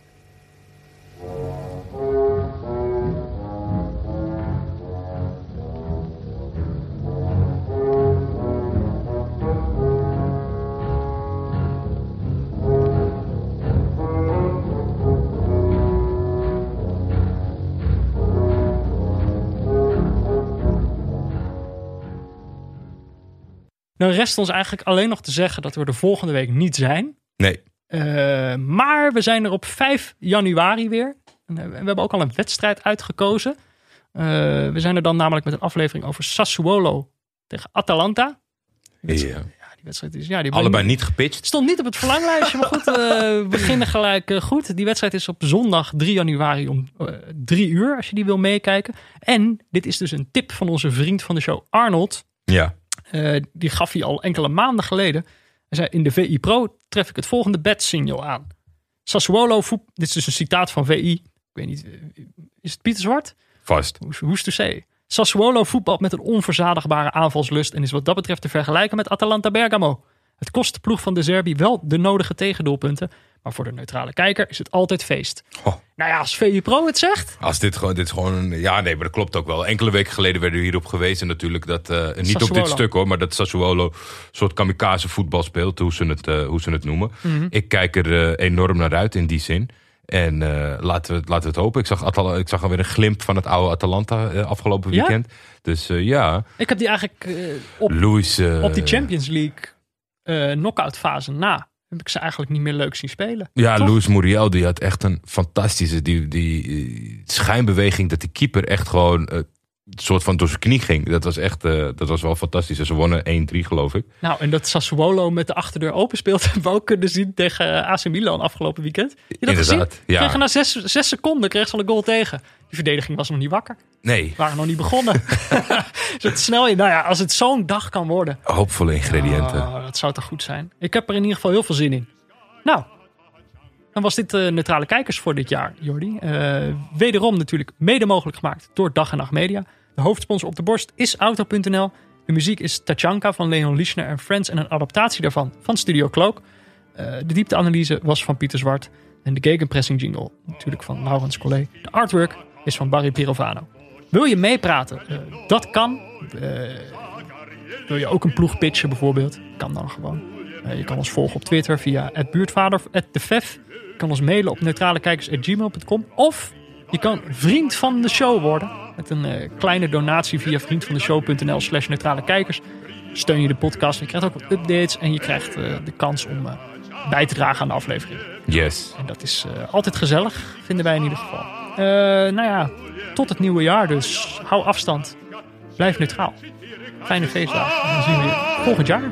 Tot dan, Jordi. Tot dan, Peter. We hebben weer eens niet in de mailbox gekeken. Heb jij nog dingen? Dat je zegt van, eh, ik, heb, eh, ik heb zo lang gesproken, maar ik had toch nog dit willen zeggen? Nee, Nee? ik zit er, wel, ik zit er doorheen. Zit er doorheen? Wel, Heb jij nog dingen? Nou, weet ik eigenlijk niet. Mag wel hoor. Nee. In de blessuretijd van, eh, En- van 2020 Ik vind het gewoon leuk om, is je om, laatste kans. om de suggestie te wekken dat we nu nog iets heel zinnigs gaan zeggen voor mensen die denken, oh, er komt nog een, er komt nog een toetje aan. Nou, kijk, ik dacht als je tot nu toe hebt geluisterd, dan denk ik dat we wel vrienden zijn. Ja. Als je door, dat, als je door die hele fanfiction over Mourinho heen gekomen bent, en je, bent, en je luistert nu nog steeds, kom op, dan zijn we toch echt wel vrienden. Mhm. Eh, en wat mij betreft ben je ook heus wel een vriend als je, als je niet officieel een vriend van de show bent. Eh, maar ja, kijk, wij hadden een doel gesteld, 250 voor het einde van het jaar. Dan gaan we samen voetbalmanager spelen op Twitch. Ja. Moet heel eerlijk zijn. Of er moet nog iets heel geks gebeuren de komende twee weken. Is niet gelukt. Nee, en dat, dat, dat vind ik, ja, ik weet Vind je jammer. Ja, wel, wel jammer in die zin van dat we 25 echt, vrienden tekort. We hebben echt hele goede, goede luisteraars. En we hebben ook altijd heerlijk gebruik gemaakt van elkaars eh, inzet. Maar als je dat dan eh, wegstreept, eh, zeg maar, ten, die, die mensen die allemaal luisteren en hoe lang ze dan luisteren. tegenover het aantal. Ja, ik, ik ben daar gewoon een beetje van geschrokken. Aan de andere Hey, kant. ik wil ze niet eh, guilt-trippen. Iedereen is mijn vriend. ja, Die luistert dan, hè? ja, van mij niet. Wat ik ook nog steeds niet begrijp, is dat het niet totaal commercieel is uitgemolken. Wat? Ik dacht echt, kijk, het concept is natuurlijk. eh, ik heb een beste vriend. Ik heb al maanden dezelfde beste vriend. Maar ik dacht, nou ja, op die manier is het zo makkelijk uit te. Uit te Ja, ja, dat mensen toch reclame willen maken voor hun eigen bedrijf. ja, en dan is het wel ineens een zeer, eh, zeer schappelijk tarief eh, in Nou ja, kijk, eh C'est Bon is natuurlijk wel ook vriend van de show. Hè. Dat is- en dat is nog altijd, ook in het nieuwe jaar, de beste notenbar van Amsterdam. Ja, zeker weten. Dat is trouwens wel leuk. Ik kreeg laatst kregen we een, eh, nog een tweet van vriend van de show, Daniel Verlaan. Die had eh, noten gekocht. ja, bij wel bij de verkeerde vestiging. Ja joh, nou ja. Amateur. De, de beste noten, noten van Amsterdam had hij gekocht in eh, Heemstede of zo. Ja, het is echt ongelooflijk. Je komt zijn computer niet in, maar. eh weet je weten waar je noten moet kopen? Eh, nee, ja, misschien nog. eh, Misschien als, als, als naam of van actualiteit dan alleen eh, de complimenten geven aan Geert-Jan Jacobs van VI. Die een stuk had geschreven met Jari Oosterwijk. Ja. die gestopt is op zijn 25ste als voetballer. Dus wel, moet je wel even zin in hebben om, Ja, om het je- artikel te lezen. Je stuurt, je stuurt de mensen met een zwaar verhaal de, het jaar uit, maar het is wel een prachtig verhaal. Ja, en er zit ook wel een soort van overkoepelend iets. Dat iedereen altijd maar vanuit de, vanuit de losse heupen eh, van alles roept richting voetbal. Dus, eh, het, het hoeft het niet helemaal te veranderen. Maar ik denk dat toch dat het goed voor je is om te weten dat eh, niet elk voetballer lachend thuis zit. Nee. Toch? Nee, zeker niet in, in deze tijd. We zijn allemaal, allemaal mensen. Ja, dat, laat, laten we als, dat niet. als er toch één ding is wat we moeten onthouden aan het einde van het jaar. Wel benieuwd of we dat ook nog steeds zijn nadat we gevaccineerd zijn. Of we dan nog mensen zijn. knows? Cyborgs eigenlijk dan, hè? Had je gezien Renato Tapia? Transfer van het jaar. Van, eh, Ah, dat we die niet genoemd tot nu toe. hebben. Signing of the season. Dat we die niet genoemd hebben. Ja, maar ik zag al eerder tweets voorbij komen van mensen die helemaal eh, enthousiast waren over Renato Tapia. Dit, moeten we dit niet vaker doen trouwens? Blessuretijd? Blessuretijd, gewoon even nog doorpraten. Eh, Misschien wel ik- leuk. Ja, ik denk het wel. Wordt Gewoon dan, echt, echt We krijgen dan de vrienden van de show krijgen exclusive vijf minuten blessuretijd. vijf minuten blessuretijd. Het is lang hoor. Nou, zitten we daar nu nog niet aan? Nee. Ik weet het niet. Ik, eh, weet je wat, we, zullen, we houden het gewoon voor gezien voor dit jaar. Ja, vind ik ook. het- ik heb je niet, het, eh, eh, ik denk wel, heb je nog één tip voor de mensen? Gewoon een random tip? Of een, een boek of een serie of een film? Dat je denkt van die staat bij mij op het programma omdat het nu... Ik dacht, eh, ik werd namelijk, ik had vier documentaires gekeken en toen werd ik erop gewezen dat iemand zei je moet even, hoe heet het nou? I'll Be Gone in the Dark kijken. Dat is een eh, eh, eh, true crime-achtig, maar het gaat uiteindelijk Was veel dat over niet de maakster. eh, vriend van de show Alex Mazareo die jou dat tipte? Ja, volgens mij wel. Volgens mij wel. En dat, even eh, zeggen. dat heb ik toen lekker Jij zegt dat we gebinged. niks hebben aan onze vrienden, maar, eh, Nee, ja, mijn privéleven wel. Ah. maar je hebt het gebinged? Ik heb het gebinged. Was dat goed? Eén aflevering te veel, maar even goed zou ik het adviseren om te kijken. Wat, wat is het? Het is eh, een, een- een true crime-achtige documentaire serie, maar... eh, Als het woord dark erin zit, dan kan je daar eh, de donder op zeggen. Ja, maar dan gebeuren er weer duistere dingen. uiteindelijk gaat het eh, net zoveel, zo niet eh, meer over eh, degene die dat onderzoek pleegt, zeg maar. Dus het is wel, het is anders dan de traditionele meuk. Oké, ik ben benieuwd. Misschien moet ik maar kijken. Ja, Nee, ik weet niet. Ik ben, ik ben nu de biografie slash autobiografie van eh, David Lynch aan het lezen. Oké. is een paar jaar geleden verschenen. Is natuurlijk de bekende filmmaker. En die, wat wel leuk is aan die eh, biografie, is dat het dus zowel een biografie als een autobiografie is. Namelijk, er is een biograaf aan de slag geweest. Die heeft dus gewoon honderden mensen uit zijn omgeving eh, geïnterviewd Mhm. om zijn eh, levensverhaal te reconstrueren. En dan heb je steeds een hoofdstuk dat zij dat gedaan heeft. En dan een hoofdstuk waarin hij zelf reflecteert op die periode. En dan reageert hij eigenlijk op wat er allemaal is opgehaald door zijn omgeving. En dat is best wel een grappige dynamiek. Ja. Hij zegt, ja, ik vind het leuk dat mijn broer zegt dat ik een geboren leider ben. Maar ik ben gewoon een heel gewone jongen. en eh daar is het veel gedetailleerder. Maar het is, het is ook grappig omdat het niet echt, tot nu toe in ieder geval, niet echt probeert om een heel verhaal van zijn leven te maken.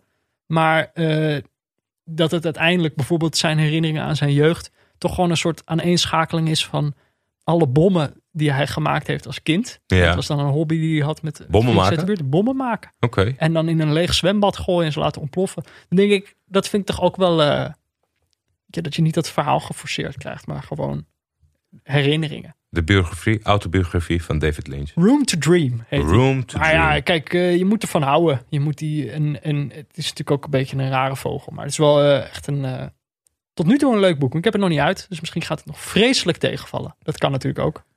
De Champions League gaat naar RTL 7, heb je dat gezien? Oh Bij ja. mij? Oh ja, ik heb trouwens nog een ander goed voornemen. Dit is, voor, dat is dan de allerlaatste seconde. Wil je nog iets zeggen over de Champions League? Nou, dat het een, in plaats van een stap achteruit of een stap vooruit, een stap opzij is. Een stap opzij. Ja. Vind ik altijd jammer. Maar ik heb een, ik Ik heb hoop een, dat we stappen vooruit maken. ik heb een ander goed voornemen voor, de, voor het nieuwe jaar. Maar dit is Nou, snel dan ook, Peter. Ik vind het ja, nou te lang duren. Nee, maar de mensen, de mensen die helemaal tot hier zijn gekomen, die krijgen een scoop. Het zijn jou en mijn moeder. Die nu zitten te luisteren. Wat een scoop. Mam, mam ik, heb, ik heb een heel, eh, Jordi, ik heb een heel leuk plannetje voor het nieuwe jaar. Dat is ook een Oké. goed voornemen. Ehm, ik bedoel, eerst moet dat EK nog maar eens doorgaan en we zien wel waar, waar de wereld dan is. Maar stel daarna, na de zomer, dan begint een nieuwe Europese competitie. Namelijk de. Ze dachten, nou, die Europa League is al zo leuk. We, we denken daar nog een competitie onder. Ja, De Conference League. De Conference En toen League. dacht ik, dat lijkt mij wel, misschien moeten we daar, eh, even kijken, dit is seizoen 5, zomerseizoen 6. Seizoen 7 gaat dan gewoon over de Conference League. Lijkt mij wel leuk. Dat wordt eh, een soort van de oude Europa Cup 2. Nou ja, het worden gewoon de, de ploegen die nog geen Europees spelen, die daar dus ook niet zoveel zin in hebben. Die moeten allemaal eh, naar het Oostblok. Jeetje. Dat, Het wordt, wordt eh, dat, eh, dat, dat klinkt als een hele uitdaging. Dat zijn Ik- eigenlijk ik, al die eh, mid-table ploegen waar, waar wij nu naar op zoek zijn. Die moeten daar in één competitie. Dat wordt volgens mij gewoon lachen. Goed voornemen. Misschien komen we het niet na. De Conference. Ja. Interessant. Voor de mensen die deze seconde gehaald hebben. Ik hou het in de gaten. Die scoop. Nou, hele fijne feestdagen, hè, Ja. mensen. Lekker veel eten en dag. Doei. Hoe is met de kerstboom eigenlijk dit jaar? Keurig. Ik kan me herinneren dat hij daar eerder uh, wat dagen. Ja, dat klopt helemaal. Daar heb ik een keer een Insta-story van gemaakt. Ik betrapte hem, zeg maar, zogenaamd. Of tenminste, ik betrapte hem wel echt. Want hij zat met een hamertje zo tegen die boom te tikken. En toen zei ik, hé, wat ben je aan het doen? En toen ging ik keihard wegkruipen.